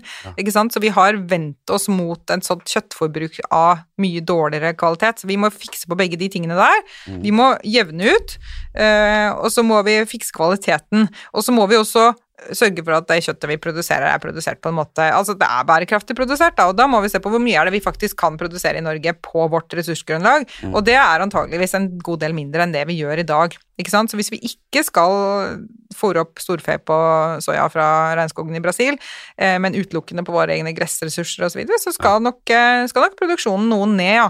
Eh, og det er ikke sikkert at det er noe eh, og da blir jo uh, bøndene kanskje litt uh, hissige på meg, men jeg tenker jo sånn så at da må vi også fikse Hva? et Er ikke det bare bra for bøndene i Norge, da? Altså de som driver med, med storfeproduksjon. Regnskogen, ja. I Amazonas, de blir forbanna, men de driter jo i. Men det må være bra for norske bønder at vi, går, at vi spiser kortreist mat. Jo, men hvis vi skal ha, skalere ned kjøttproduksjonen, så er det jo mange som tenker at ja, men skal du liksom ta livsgrunnlaget fra meg? Men det er ikke det det handler om. Jeg, da må vi også fikse et annet problem, Ja. og det er at bøndene får jo ikke ordentlig betalt for maten de produserer. Så vi, annet ikke sant, vi må eh, øke prisene på, på kjøttet. Vi må betale mer for den matvaren og det det faktisk koster å, å lage den, og så må Ja. vi eh, kompensere det med å spise litt mindre av den. Så jeg tenker som så at det, det må, skal ikke være et mål at bøndene skal sitte igjen med mindre penger. De skal sitte igjen med like mye og kanskje bedre fortjeneste, men produsere litt mindre, da. Ja. Sånn at det passer med vårt eget eh, eh, Det vi faktisk kan produsere her i Norge. Men når jeg er på Meny, så ser jeg det masse sånn angus-biff fra Argentina det, Vi importerer jo masse kjøtt når vi Ja. har Og, og, og dette, er jo, dette er jo det frie markedet og bla, bla, bla, men det, jeg, eh, jeg vet ikke hvordan det skal gjøres, men jeg, det virker jo veldig riktig å på en måte gå vekk fra eh, vekk fra å importere det, og heller bare satse på lokale bønder. Det må da løse alle problemene, sånn jeg ser det. Men jeg vet ikke. Det løser nok ikke alle problemene, men vi burde i hvert fall eh, helt klart Det er ingen grunn til at vi i Norge skal importere kjøtt. Nei, det er jo ikke det. Nei, absolutt ikke. Det, Altså, så det kan vi godt slutte med, og, og det er jo noe av det minst miljøvennlige vi kan spise, ikke sant? Hvis vi da spiser kjøtt som er importert fra et eller annet sted som kanskje har eh, Ja, hvor vi egentlig da tar deres Vi forbruker deres ressursgrunnlag Ja. eh, for å importere kjøtt til oss, når vi kunne da produsert kjøtt på vårt eget ressursgrunnlag. Det er jo ikke bærekraftig i det hele tatt. Vi, Så, vi ser ja. vi har masse kjøtt på fryselageret, vi har sett det har blitt avdekket masse kjøtt som ikke folk vil ha. Eh, Jeg tenker vi må lære å lage mat, ja, for det finnes jo så mye eh, eh, såkalt lite mørt kjøtt Mm. som folk da ikke vil ha. Men hvis man kan lage mat og langtidskoker litt sånn kjøtt, type kjøtt, så blir det jo sykt godt. ja, det blir helt sinnssykt. Det blir jo det beste kjøttet. Ja. Så hvis man klarer å lære seg det, eller, eller Nå ser vi også mange som eh, Det selges jo på en måte ferdige eh, ferdigprodukter overalt, da. Ferdige liksom, Hvis man lager en sånn gryte, da, i, i, industrielt nærmest, men ikke sånn prosessert, at det gjør, gjør det ordentlig, og så kan man selge det i sånn der eh, vakuumpakka eller sånn der eh, porsjons, eh, i, porsjons, i porsjoner, da Mm. så kan man slipper man å stå og lage mat hvis man ikke har tid til det, det skjønner jeg veldig godt, men samtidig så blir det laget mat. Skjønner du hva jeg mener? Ja, altså du mener at det, det går jo selvfølgelig an å lage industriprodusert mat av bra kvalitet. Ja. Det er det, er, det jeg nettopp sa, er det Ja. aller dårligste jeg har sagt i dag. Det dårligst formulerte jeg har sagt. Det er det helt, eh, men jeg tror man skjønner hva jeg mener. Ja, nei, men det, det er ikke noe tvil om at man kan lage At industrien kan lage mat på en bra måte. Det er ikke noe tvil om. Men det der du nevnte jo med Du sånn skal ha den mikrofonen relativt nærme. Ja. Ja, det går videre. Vi langsteking og langkoking og sånn er jo veldig bra triks for, å få, for å få kjøttet sånn bedre. Og, men da er det jo ikke snakk om ha tid til å lage mat, for det står jo bare i ovnen. Så Ja, man bruker jo ikke noe tid på det i det hele tatt. Nei, det er jo bare å nettopp. planlegge det. Det å, det å bare Du kutter opp noe grønne løk og noe gulrøtter, og når du freser det, og så er det oppi noe, har du noe kraft eller noe vann eller noe Liten dæsj vin der, kanskje, og så har du også stekt opp noe ordentlig, om det er høyrygg eller Det trenger ikke å være storfe eller noe, a- a- en del av et, et eller annet dyr som kan tåler å stå og putre i sju timer, Mm. og så blir det bare bedre og bedre. Det er en fantastisk måte å lage mat på, og da får vi brukt hele dyret. Og, k- når vi snak, og ikke la meg begynne å starte på kraft, eh, Marit. Oi, oi, oi, som jeg er glad i det Ja, konseptet. Det er fantastisk, ja. det også. Men det, når du snakker om det der med kjøtt, så tenker jeg at vi burde også spise mer vilt, da. For vi har jo kjempegod tilgang på vilt i Norge. Vi kunne felle mer vilt enn det vi gjør. Eh, kjempebra kvalitet mat. Mm. Eh, igjen også da på vårt eget ressursgrunnlag, ikke sant. Så mm, mer elg. Ja, nei, helt klart. Enig. Mer hest. Eh, ja, det er det er ikke vilt, da. Nei, men, eh, men ja. Det var en stakkars vi- jente som fikk kjørt seg, for hun spiste sin, a- sin, sin døde ja, det leste jeg om. og så Stakkars. hun, så er hun fryst ut av hele samfunnet fordi hun tenkte at eh, skal vi kaste kjøttet da? Ja, så, så, sånn tenkte jeg også. Når jeg var ti år, så tenkte jeg også at det ville vært kannibalisme å spise en hest, men ja. voksne mennesker bør kanskje ha kommet litt forbi det. Jeg tror jeg aldri smakt hest, men det kan ikke være så halvgærent. Uh, la oss snakke litt om dette med prosessert mat, da. Uh, jeg, og jeg må beklage, for jeg er digresjons- og avsporingenes mester. Ikke så nødvendigvis så forenlig med å være en podcast-host, men jeg tror, eh, jeg, tror, jeg tror det er fint òg, jeg. Jeg tror folk henger med. Ja, Selv om får- sparer, at det går litt sånn av, eh, fram og tilbake her og sånn, så tror jeg det går fint. Men dette med prosessert mat, tenker jeg kjøttdeig. Mm. Da har du kverna det, så du har på en måte ødelagt litt sånn eh, fibrene og litt greier. Er det det det går på? Mm, nei. nei. altså når vi snakker om prosessering, det er veldig vanskelig å snakke om det uten å snakke litt sånn eh, teknisk, da, eller uten å ta det litt sånn eh, grundig til verks. Mm. Eh, men dette prosesseringsaspektet som det er mye snakk om, og som er mye av det jeg formidler om, Mm. dette handler om å se på hva som har skjedd med den mest prosesserte maten, og hvordan skiller det seg fra den minst prosesserte maten. Og den mest prosesserte maten er det vi kaller ultraprosessert mat, Ja. mens den minst prosesserte maten er det vi kaller Rent kjøtt. ja, altså hel mat, eller råvarer, da, og minimalt prosessert mat. Så det er på en måte de to ytterpunktene. Ja. Eh, og kjøttdeig, det tilhører da minimalt prosessert mat. For Ja. det bare det å ta Når du tar råvaren, da, som er kjøtt, Ja. eh, og maler den opp, så har du Du har ikke tilsatt noen ting. Du har ikke egentlig endret eh, Du har ikke endret sammensetningen av den matvaren noe. Eh, ja, du har kvernet den opp, men den er fortsatt eh, Den er for, består fortsatt av det den gjorde opprinnelig, da. Ja. Og av og til litt sånn tilsatt salt og vann, da, men det har jo også mange sluttet med. Ja, det har de slutta med etter hvert som forbrukerne skjønte at det Ja. faktisk er juks å tilsette salt og vann, og da får du mindre kjøtt. Så Ja, har vi, de jo vi hytta med neven her og sa dette gidder vi ikke. Ja. så, uh, dette kjøper vi ikke. Og da må de rettsette våre det, det, Sånn liker vi. Ja, det, det, det var jo en bra endring, det. For det, man eh, er jo ikke interessert i å betale kjøttdeigpris for salt og vann, du vil jo betale kjøttdeigpris for kjøttdeigen. Mm. Så, men matindustrien har jo funnet sine andre eh, triks, da, for å ta igjen litt det der. Ja. Fordi at man kan jo gjøre det trikset mye mer i produkter. Så kan man tilsette det som kalles for konsistensmidler og vann, og da kan man eh, Ja. ta vekk masse av råvaren, og da tjener man masse penger igjen på det samme trikset, da. Og den der har de fleste forbrukerne ikke lært å gjennomskue ennå. Så hvis du leser på en leverposteipakke, Ja. og den første ingrediensen er vann, så vet du at det er en skikkelig dårlig deal. Ja. Um, for det første så er det jo da lite råvarer, ikke sant, som det er egentlig det du er ute etter. Eh, men så har de også måttet kompensere for det manglende råvaren med å tilsette noen tilsetningsstoffer som kan være til dels ganske eh, problematiske. For da, Hvis vi snakker om dette, så si leverpostei, da. Mm. Det, er det ultraprosessert? Det kommer litt an på. Ja, det er noe som Ja. Ja, så ifølge denne eh, prosesseringsklassifiseringen da, så har man det man kaller for uprosessert og minimalt prosessert mat. Det er liksom den første gruppen. Og så har du gruppe nummer to. Da har man det man kaller prosesserte ingredienser, som man ikke spiser sånn som de er, men, man, men det er eksempel olje, sukker, salt, eh, stivelse, ting man bruker til å lage mat. Ja. Og så har man en gruppe som kalles prosessert mat.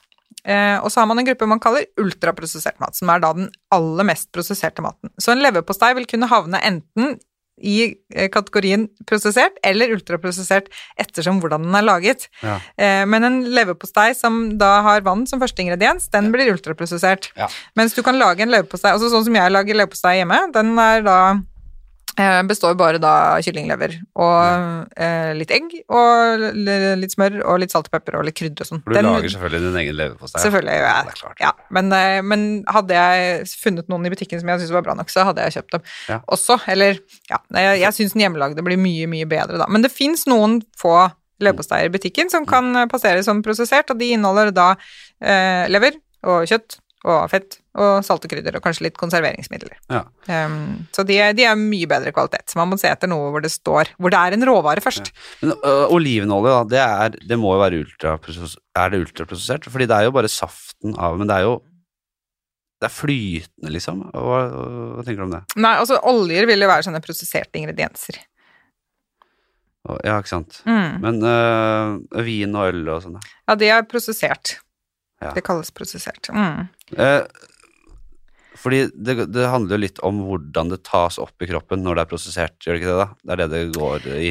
Nei, det er veldig mye mer komplisert enn det. Hvis man da skal se på liksom dette med helseeffekter av ultraprosessert mat, Ja. eh, så er det, det er veldig Det blir veldig komplisert. Der er det veldig mye vi kan snakke om. Ja. Eh, men det handler jo det handler noe til dels om det, for det handler om at i den ultraprosesserte maten så er mye av sånn matstrukturen, som du så vidt nevnte litt i stad, den er brutt ned. Mm. Eh, man har liksom ikke den hele maten lenger, man har ofte sånn mat er ofte satt sammen av, av ingredienser hvor det ikke er noe ordentlig struktur på maten lenger. Så den vil for eksempel eh, kunne tas opp eksempel karbohydraten, da, eller glukosen, vil kunne tas opp mye raskere og gi en rask sånn blodsukkerstigning. Ja. Eh, så men det trenger jo ikke være noe problem i seg selv, for det er jo kroppen egentlig innstilt på å hanskes med. Eh, så det, men, eh, men man vil eh, Ja, hvordan skal vi si dette her litt sånn enkelt, da? Denne herre manglende strukturen på maten, den vil annet eh, påvirke tarmfloraen vår på en negativ måte. Ja. Eh, og så er det ofte mye bruk av tilsetningsstoffer som kan være problematiske, som kan eh, ser ut som om de kan igjen da også påvirke tarmfloraen vår, Mm. og så, som igjen da vil påvirke eh, immunresponser, som vi kaller det, og som igjen vil påvirke metabolismen vår. Eh, så det er eh, et problem. Og så er det også noe med disse prosessene som brukes, disse eh, fysiske, kjemiske prosessene som kan danne det vi kaller for eh, sånne, altså sånn kontaminanter, ikke sant, altså sånn type stoffer som egentlig ikke var til stede i råvarene, men som er dannet som følge av f.eks. høy temperatur. Ja. Disse kan også være skadelige for oss. Og så kunne- jeg kunne nevnt noen flere faktorer også, men så setter man alt dette her sammen da, til en cocktail på en måte av negative effekter, Mm. eh, som du da får inn via dette ultraprosesserte produktet. Ja. Eh, og så får du samtidig da ikke de stoffene som egentlig hadde vært beskyttende, som eksempel er disse, det vi har vært vant til å kalle antioksidanter, ikke sant, i planter og, og sånn, eh, disse fargestoffene og sånn som er i planter, som, de virker jo beskyttende for oss. Mm. Eh, og så, eh, ja, så man taper mye av det, og så får man dårlig næringsinnhold. Eh, man får lite fiberinnhold, eksempel, hvis man spiser da bare sånn sikta mel og, og sånn. Så, så det er flere av disse tingene som skulle vært i maten, som ikke kommer.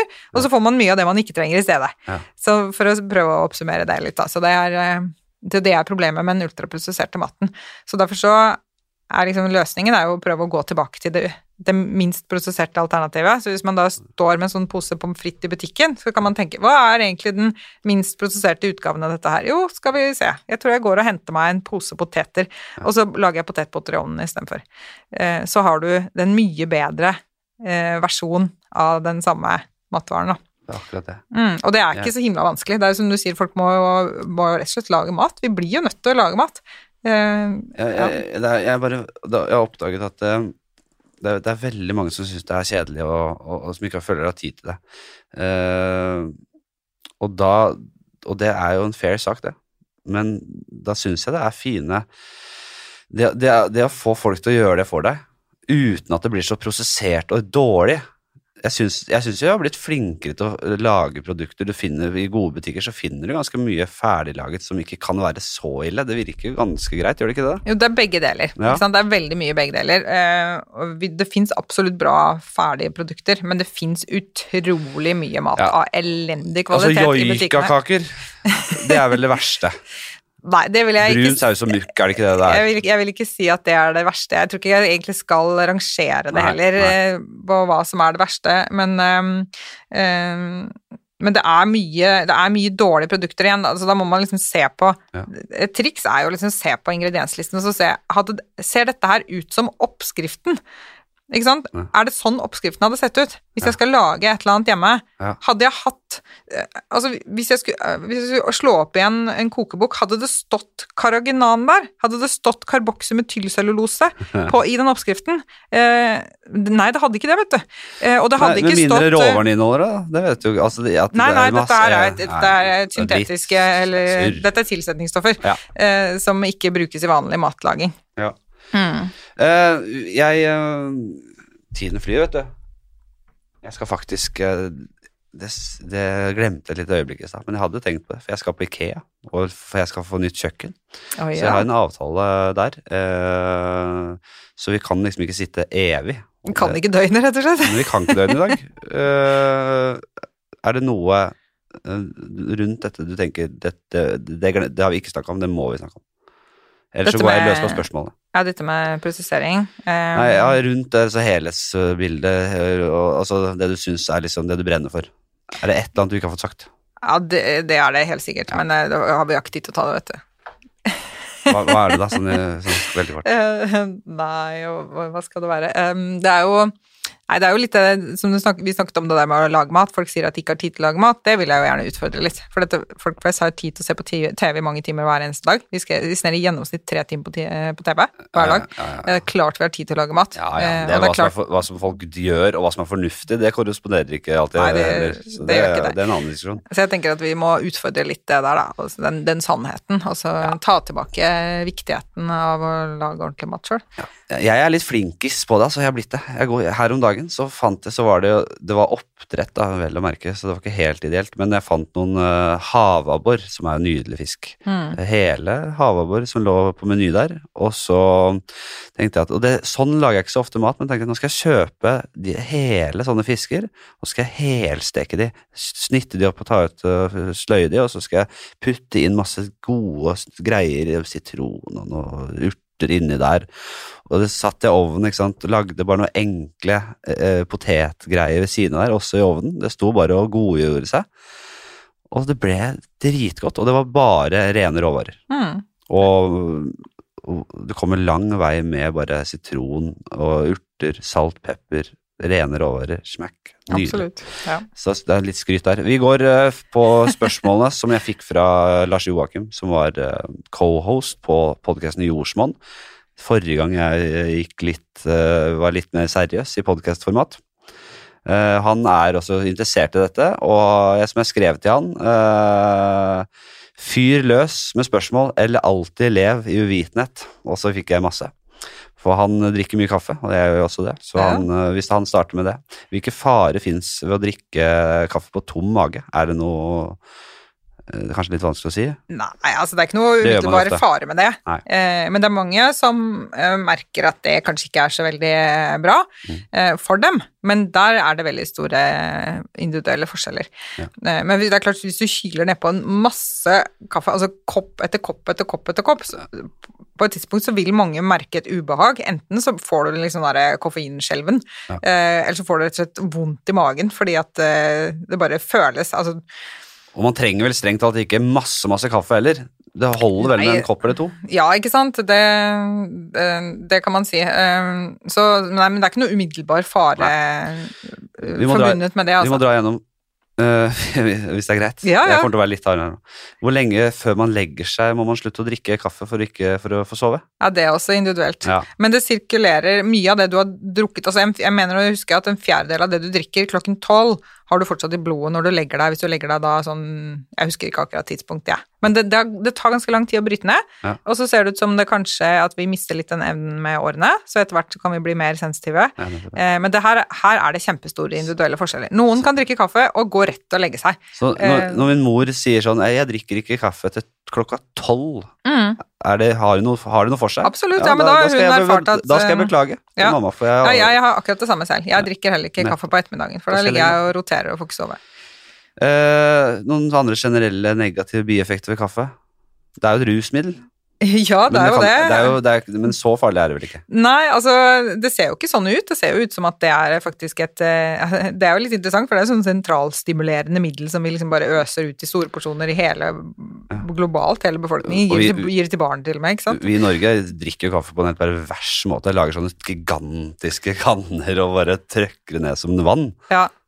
Så det kan jo hende at det fortrenger vanninntaket, det er ikke så veldig bra. Og så kan man jo det som jeg, siden vi snakker om kaffe, så da så har jeg lyst til å være litt sånn eh, moralist her. Ja. Det som vi må skjerpe oss med i Norge, er å slutte å kaste denne kaffen. For den dyrkes da igjen, ikke sant. Der har vi på andres ressursgrunnlag, så dyrker vi en veldig sånn eksklusiv vare, får den transportert hit, trakter i svære mengder på kanner, og så står vi og så tømmer vi det ut i vasken etterpå. Altså, for en utrolig arrogant måte Vi- å hanskes med, med naturressurser på. Det må vi vi slutte med. Vi er, vi er forferdelige folk. Ja, altså, ver- jorda trenger oss ikke i det hele tatt. Vi er grusomme. Det, er, det, det vet vi. Eh, jeg bruker, og litt flinkis igjen, skryter litt her, eh, jeg bruker kaffegrut og eggeskall som jeg kverner opp, og bruker det i, i, i plantejorda. Det er veldig bra. Så den er grei. Hvilke, altså, fasting, det har vi vært inne på. Fins det, noe, eh, finnes det noe tilfelle av at kroppen kan ha godt av å få i seg raffinert slash hvitt sukker, selv om du har tilgang på andre matvarer? Nei, det vil jeg svare nei på. For sukker Ja. er interessant. Eh, mange sverger til å bare aldri spise raffinert sukker. Mm. Aldri sukker med brus, aldri sukker, ikke sukker. Fordi karbohydrater er jo sukker, og uh, så vidt jeg forstår, så er jo også fett blir også omdannet til sukker. Nei. Nei, karbohydrater nei, ja. Uansett. Eh, Sukker kan bli omdannet til fett i kroppen. Ja, sånn er det. Mm. Eh, men så, så, så my, my, Altså, sukker får vi jo i oss hele tiden uansett. Det er jo sukker Nei. Men ikke Vi gjør jo ikke det, da må, vi må jo spise det. Ja, men få- ikke få- raffinert sukker, men sukkerarter. Ja, vi- ja, hvis vi spiser karbohydratholdige matvarer, så får vi jo i oss noen typer sukkermolekyler, liksom. Det Men gjør vi. Raffinert sukker, Mm. det har vi ikke bruk for. Nei, det har vi ikke. Eh, Jeg vil jo si at det er mye bedre å ikke spise noen ting enn å spise rent sukker. Ja. Uansett om eh, Ja. Altså Kanskje med mindre du er i ferd med å dø da på en øde øy, har sittet der og brent av alt fettet ditt, så kan du kanskje begynne å spise det raffinerte sukkeret, men ellers så vil det Kjøper du deg et par utelukkende timer, og så er du der. er Ja, ikke sant, det holder ikke særlig lenge. Nei, nei, Eh, da, nei, nei jeg, ville, jeg ville si at det, det har utelukkende negative effekter på oss, Ja. rent sukker. Det betyr ikke at ikke vi tåler små mengder av det, men, men det har ikke noen positive effekter. Det var en tid der lobbyistene banka ut budskap om at sukker og tobakk var noe av det beste vi kunne få i oss. Ja, ikke sant? Lurer på, lurer, på, ja, lurer på hvor det kommer fra. Det, Det sies at et glass rødvin om dagen er sunt. Eh, Er det fordi man er dårlig på å få i seg de samme stoffene på sunnere alternativer, eller er det fordi det er noe i rødvin som er uerstattelig? Ja, det, det er et godt spørsmål. Hva er de der eh, koblingene der mellom et sånt lavt inntak av vin liksom, og god helse? Og jeg tror at det kan ha det, det kan jo ofte handle om hva er det man da ikke drikker. Altså ofte de som drikker kanskje et glass rødvin til middag, Mm. eh, de drikker ikke cola, for eksempel, til middag. Så det kan jo være med hva er det du, hva er det du egentlig sånn, fortrenger? hva du- hva du- ja, Ikke sant? Det kan jo være en greie. ja, det merker jeg Eh, også på. Det å sitte og ta seg et par glass vin for Mm. å dempe et søtsug og dempe øh, om kvelden, da. Mm. Det, det Ja, du, du dropper ofte ting som er verre, kanskje. ja. Det kan hende at du da legger unna godteriskåla. Altså Mm. hvis du da sammenligner de da som, som da drikker litt vin, med de som sitter med brus og godteri, så vil åpenbart Jeg er ganske sikker på at den vinen vil komme bedre ut, da. Du Ikke bælmer ikke vin på samme måte som du bælmer eh, eller måker i deg en uh, smågodt, for eksempel. Nei, forhåpentligvis ikke. Det er selvfølgelig noen som gjør det også, men da vet vi at det er skadelig igjen. ikke sant? Så det er jo dette lave forbruket. Så det kan være noe, men så er det også Ja. noe med eh, en sånn ting man nyter veldig, og opplever som veldig sånn eh, eh, Hva skal man si Det gir veldig sånn god følelse. Å spise et godt måltid sammen med et, et glass vin, for eksempel, så får man veldig mye livskvalitet av det. Beste beste Eh, og så har du kanskje til og med i godt selskap, for det er kanskje mindre sjanse for at man sitter og, og drikker vin alene. Så og da har vi disse sosiale relasjonene igjen, som vi vet er like viktig som for eksempel både søvn og mat og trening og alt det der. Eh, så da har du, det kan være flere positive ting som spiller inn da, hos de som da tar et glass vin til maten, Ja. versus de som ikke gjør det. Så, så, så det, jeg mener at det er vanskelig å isolere effekten av, av hva er dette her. Er det, er det sånn at vi faktisk har godt av den bitte lille porsjonen med alkohol, eller er det disse, eh, disse stoffene, antioksidantene i rødvin osv.? Jeg tror ikke det, for de kan vi like liksom godt få fra å spise druene, da. Ja, nettopp. I, I den boka, den Sinclair-boka vi har snakket om, eh, så tar han faktisk litt tak i dette. Fordi det oppsto Jeg skal ikke si myte, men denne, dette, dette med at rødvin var sunt, det, det oppsto så øh, Det kom fra den forskningen de driver med, har jeg skjønt. Mm. Eh, fordi det er noe som de kaller for survival circuit, som eh, eh, ja, Der det er noen Det er molekyler som på en måte igjen igjen tilfører uh, noen greier som Nå er de ute å kjøre Så ja, som Å, herregud. Men det er dette Nei, du snakker om resveratrol, er? Resveratrol, Resveratrol, som er dette NMN, det er, noen Ja, greier som på en måte de har forsket mye på. Og det, det, det er noe av det i rødvin, da. Det er et virkestoff i rødvin som Nettopp. kalles resveratrol, men du, hvis du skal få det i så store konsentrasjoner at det fremkaller den effekten som han snakker om i den forskningen, Ja. så må du drikke syke mengder. Da må du drikke så mye at da har du et alkoholproblem, så da får du et annet problem. Så, så det, det de forsker på, er jo da å isolere dette stoffet og, Og ta det, det, som klart. et tilskudd. Ja da. Eh, han, det- han tar 100 gram Reservatol, 100 Ja. gram NMN og Um, 100 gram av Metformin, som er et uh, diabetesmiddel. ja, Men det, han eh, det popper i seg litt av hvert, han eh, Sinclair. Um, jeg, jeg, jeg sier han bruker jo litt seg selv som en eh, til å eksperimentere på også. Akkurat. Og det, Mm. man, skal ikke, man skal ikke på en måte sluke alt rått og på en måte tenke at det er Nei. ungdomskilden, men uh, det er interessant å se hvilken effekt det har hatt på dyr, i hvert fall. Ja, absolutt. Vi Eh, Men vi har ikke greid å, å, å, å vise en sånn positiv effekt av dette isolerte resveratrolet på mennesker, og kan liksom si at ja, nei, men dette skal stoppe aldringen. Det, det gjør det ikke. Jeg tror hvis du skal jeg- prøve å liksom bevare helsa og unngå å bli altfor gammel, så har du mer igjen for å bare spise ordentlig mat, Ja, være i bevegelse, er det sove godt. svaret. Nei, eh, ja, vi det. Vi, vi, vi, lukker, vi, det. lukker, vi holder oss gi for øra. meg et vidundermiddel. Gi meg medisinskrinet til Sinclair, da. Så skal jeg gi deg 150 år jeg, på strømplesten. Uh, hvilken mat er mest undervurdert? Eh, mye sånn eh, bra norskprodusert eh, råvarer. Jeg tenker potet og rotgrønnsaker er kjempeundervurdert. Potet er det Det er bra, det. Det er mye stivelse. Ja, Så- men det er, det er hel mat. Det er helt mat. Eh, altså folk overlevde på potet eh, mange, mange år med nesten ikke noe annet å spise. Det er ikke Eh, svertekampanje mot poteten. Ja, eh, jeg mener jo at den er veldig sånn eh, feil eh, At det er gjort på feil grunnlag. Yes. Man har sett liksom at altså, det, det folk har spist, ikke sant, er for eksempel gradvis mer potetgull og pommes frites, og så ser det ut som at å, potetinntak er ikke så positivt. Eh, men man har ikke skilt på har man spist poteten som en råvare, eller har man spist potet i ultraprosessert form. Man Det er helt utrolig. olje med litt potet? Ja, ikke sant?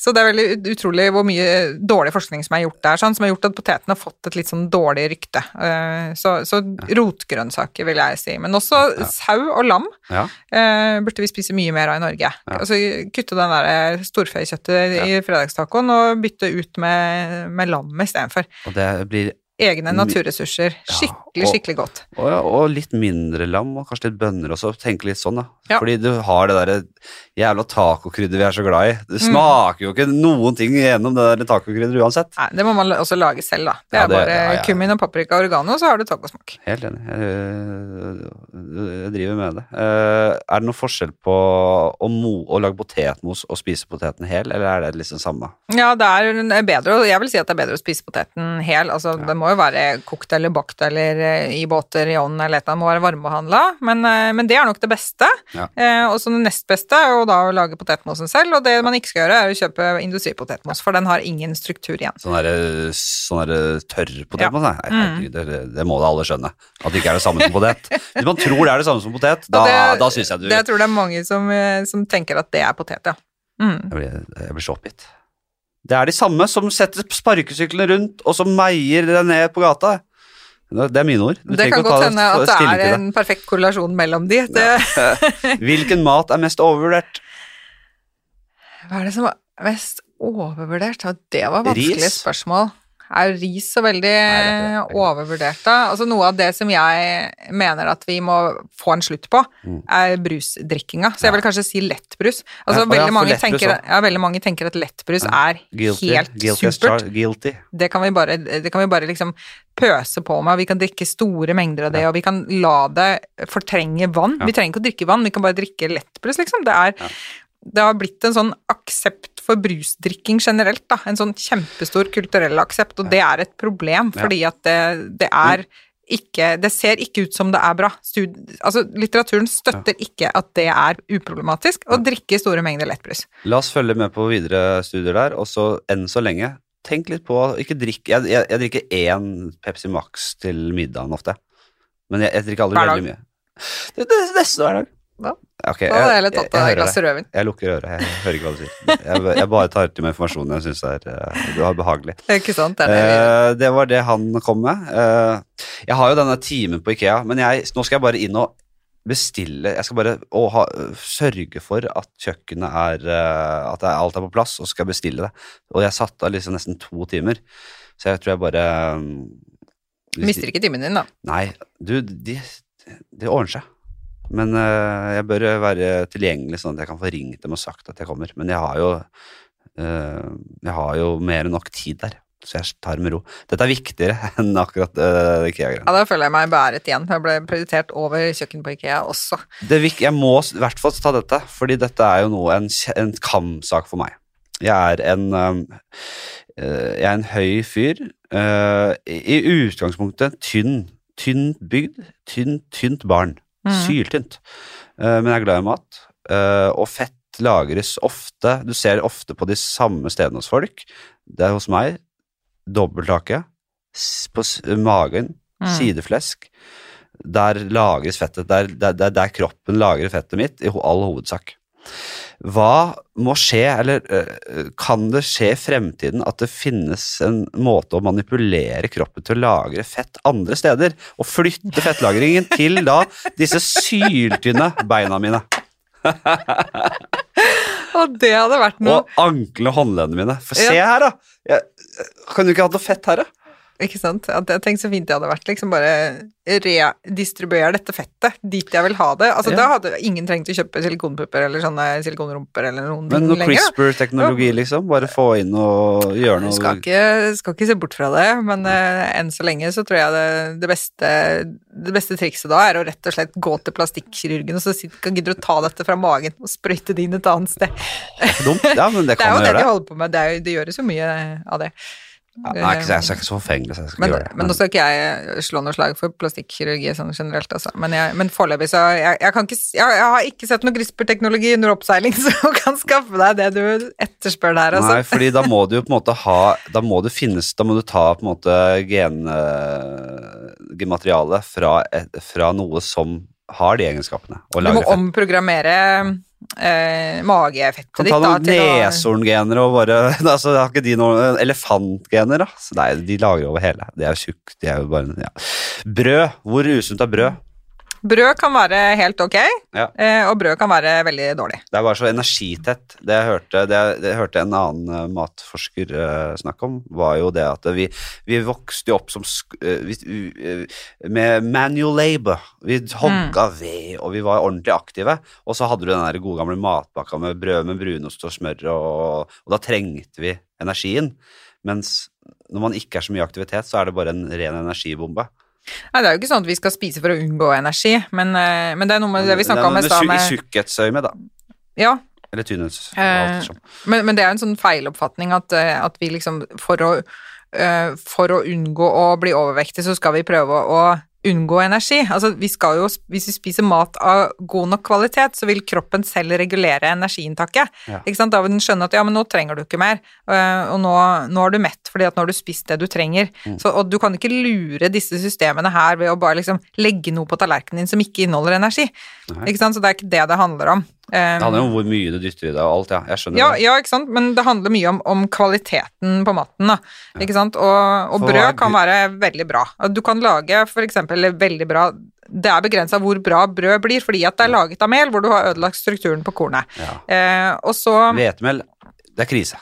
Hvetemel er eh, i hvert fall ikke noe som vi i stor grad skal basere kostholdet vårt på.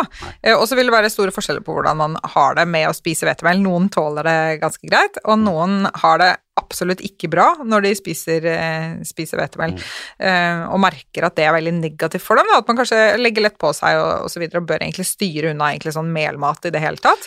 Uh, Det så der er det store Forferdelig nyhet for meg som elsker brød og pasta. Det er det beste Ja, jeg vet. men da, da, da kan du jo Da må du se litt på liksom, hvor mye tåler du, da. For, og, og blir du mett, ikke sant. Det er noe Trene masse. Hvis du har spist eh, Ja, det er også en feiloppfatning at du skal Nei, nei, for det er neste kompensere spørsmål. ja, Men hvis vi snakker litt om det der med brød altså det, du må, det du må kjenne etter, ikke sant, er jo hvis du har spist et brødmåltid, blir du øh, behagelig mett? Blir du ordentlig god og mett av det? Kan du holde deg i mange timer fram til neste måltid? Eller er det sånn at du har spist et brødmåltid, og så går det en time, og så er du skrubbsulten, og så ender du opp med å kanskje spise mye mer gjennom dagen fordi at du spiste noe som egentlig ikke gjorde deg ordentlig god og biologisk mett, da. Er det noen grunn til at du ikke skal bli mett av brød? Fordi det, du, det, tar ikke, altså, det bare går rett ut igjen? Eller hva mener du med det? Nei, altså det er, det, det er åpenbart store forskjeller på hva det er som gjør folk mette. Noen blir mette av mye karbohydrater og merker at de må ha eh, en god del karbohydrater i maten sin for å kjenne på en ordentlig god metthet. Da. Både, altså, det er jo hjernen ikke sant, som styrer om vi er mette eller ikke. Ja. så, så for å få de signalene de trenger, på en måte. Mens andre merker at hvis jeg spiser ja, f.eks. da brød, så Ja. blir jeg ikke mett. Nei. Går rundt og er skrubbsulten hele tiden. Eh, og da, da trenger kanskje de personene å ikke spise eh, så mye brødmat, eller kutte det helt ut og spise f.eks. Eh, omelett eller middagsmat eller noe sånt istedenfor liksom mer sånn type mat, fordi det er Ja. det som trykker på deres biologiske metthetsmekanismer. Så det, det, og dette er jo fremtiden. Uh, dette med på en måte precision medicine, eh, eh, skreddersydd på en måte både medisin, kosthold, fordi vi er veldig ulike. Mm. Det, og det kunne vi snakka også veldig mye om, selvfølgelig, og jeg er interessert i det, men uh, vi kommer vel fra et sted der på en måte alle har blitt dratt under en kam, Absolutt. og vi tror vi er like, men så er det Mm. så stor forskjell, Ja. og da vi reagerer så ulikt på ting, da. Ja, og så gir vi råd om hva folk skal spise basert på et sånt gjennomsnitt som nesten ikke treffer noen. Jeg skal bare, vi skal fortsette å snakke, jeg skal bare samtidig få uh, nummeret til Ikea Planning Studio opp her, sånn at jeg kan varsle om Nå blir jeg forsinka uansett. Så du skal multitaske, det er det du prøver på nå? Jeg er en mester på det. Jeg ser det. Nei, jeg er ikke det. Jeg er- kjempedårlig på multitask. Men du er jo mann, så det Ja, ja det er helt Det, det er det sikreste Det er det, er, det er det eneste vi vet. Hei, Nei. velkommen til IKEA. Nei, ja. Er du en bedriftskunde? Tast 1. Nei. Bedriftsbetjente løsninger som f.eks. hvitvareservice og åpningstider Dette her sa jeg ikke. Nei. Tast 2. For hjelp til kjøp, Har du tid? Jeg har tid. informasjon, tast 3. Jeg er spent på om du skal klippe dette her eller ikke. Skjønner. Jeg tror jeg går for tre. Uh, kan Faen. Én. Ja. Ja til det. Dette er, sånn blir det her litt i denne podkasten, altså. Dette, dette, sånn er det ikke på Du vil nå bli satt over til det første ledige Ja, ok, sånn. Dette med muskler Fordi jeg, jeg, jeg den, Ja, den Oi, nå driver jeg og beinflørt med deg. Det Ja, ja, men dette tar helt av, dette. Uh, jeg driver og trener uh, det. Ja, for de ringer meg. Sånn blir det. Jeg bygger, bygger og bygger. Jeg trener mye eh, styrke. Fordi jeg, etter jeg har gått ned en del vekst, så tenker jeg at jeg trenger muskler for å på en måte Jo mer muskler jeg har, jo mer eh, energi Altså jo, jo, At det må da hjelpe det, gjør det ikke det? Eller hvor mye hjelper det på en på- vektnedgang? Ja, altså jo, det vil jo bidra noe, og altså kropp, kroppen din vil jo uansett ha veldig godt av trening, men det er jo veldig sånn feil å tenke at jeg skal trene fordi at jeg skal gå ned i vekt, fordi at du skal trene for alle de andre grunnene Ja, ja. enn å gå ned i vekt. Jeg husker, jeg gjør begge ting. At Ja. jeg spiser veldig mye usunt. Jeg prøver å gjøre begge deler. Så prøver jeg på en måte skape en del muskulatur for å det Bare regner med at det må spise av måte hele pakka der, da. Altså hvis du øker muskelmassen din, da, Mm. så vil du øke noe av det basale energibehovet, som det, som det kalles. Altså, så noe Du vil kunne bruke noe mer av maten du spiser, til bare rett og slett å vedlikeholde den kroppen. Mm. Ja. Uh, så, men det er, det er veldig lite. I det store regnestykket. Så den, det store bidragsyteren der er maten. Ja. Altså med tanke på vekten en vektnedgang. det, det har man hørt overalt, og Ja. det, har jeg fått med meg. Mm. Eh, men det kan da ikke skade. Det er jo det, det er bra å ha Absolutt muskulatur ikke. uansett. Altså, trening er bra for absolutt alt, Ja. men det har veldig lite for seg i forbindelse med vektnedgang.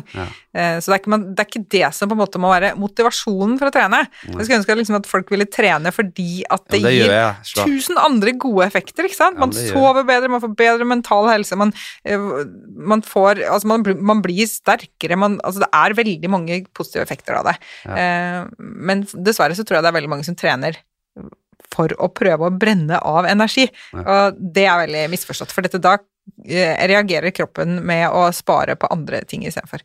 Så, så da kan du fort ende Hvis du liksom spiser en Snickers og skal løpe den av deg etterpå, så funker ikke kroppen sånn. Det er ikke sånn at det er et sånt regnskap som man kan Nei. sette opp. Det er akkurat det, og det tror jeg, og det har jeg forstått at, det, at det, hvis du spiser utrolig mye kalorier, så skal det utrolig mye trening til for at du forbrenner det. Så det, Mm. det, det, den ser jeg.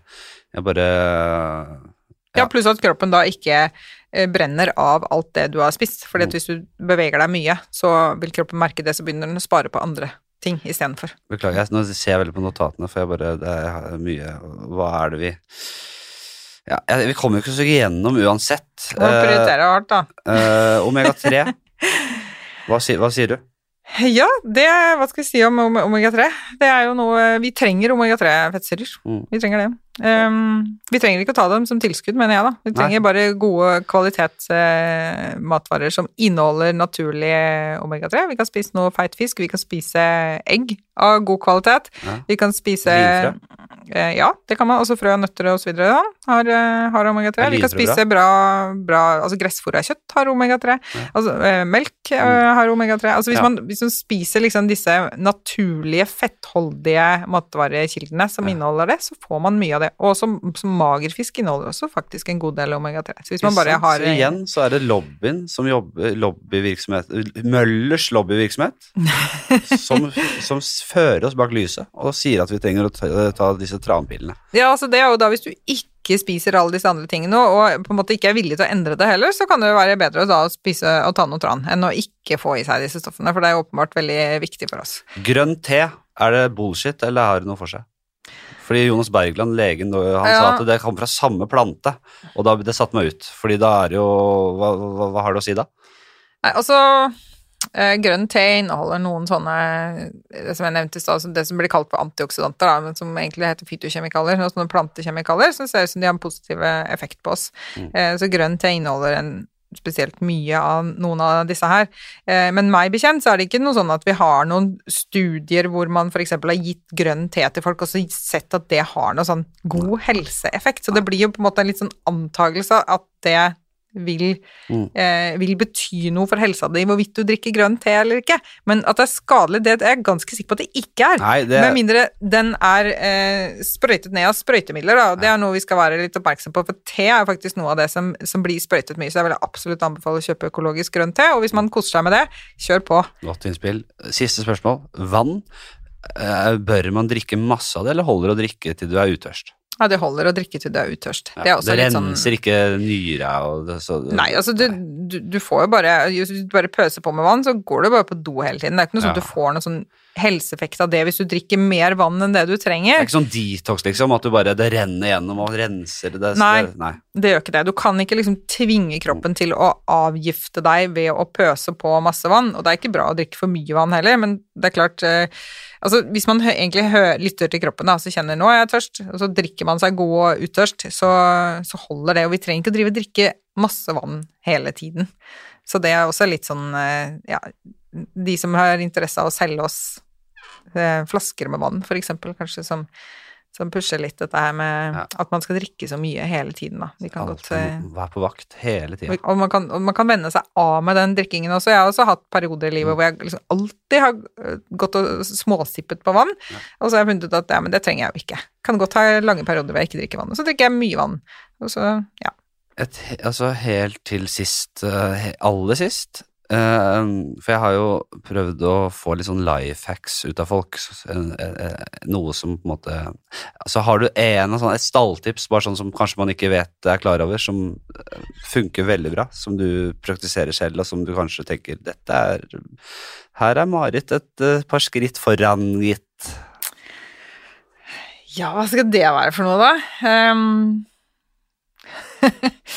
skulle selvfølgelig ha tenkt på et eller annet morsomt eh, og tenke fort og komme opp med et eller annet skikkelig gøy, og så Nei, er jeg nei, skikkelig vi dårlig på det. Vi, vi, vi kan ha noe morsomt her. Nei. Vi vil ha det hvis du har noe. Men du hvis du ikke har noe rett uh, på stående fot, så går det fint, det ja. òg.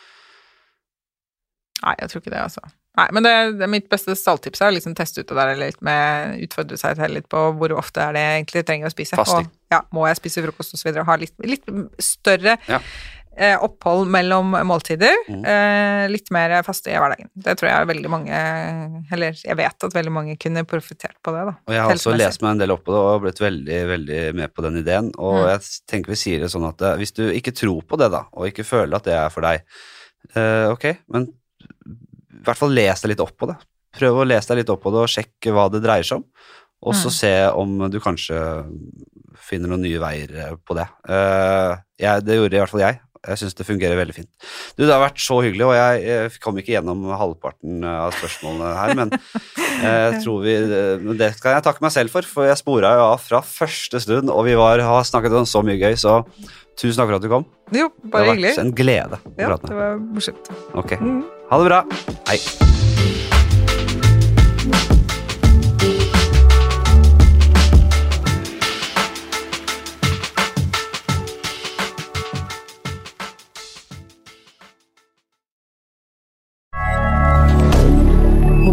Media. Har du et enkeltpersonforetak eller en liten bedrift? Da er du sikkert lei av å høre meg snakke om hvor enkelt det er med kvitteringer og bilag i fiken, så vi eh, gir oss her, vi. Fordi vi liker enkelt. Fiken superenkelt regnskap.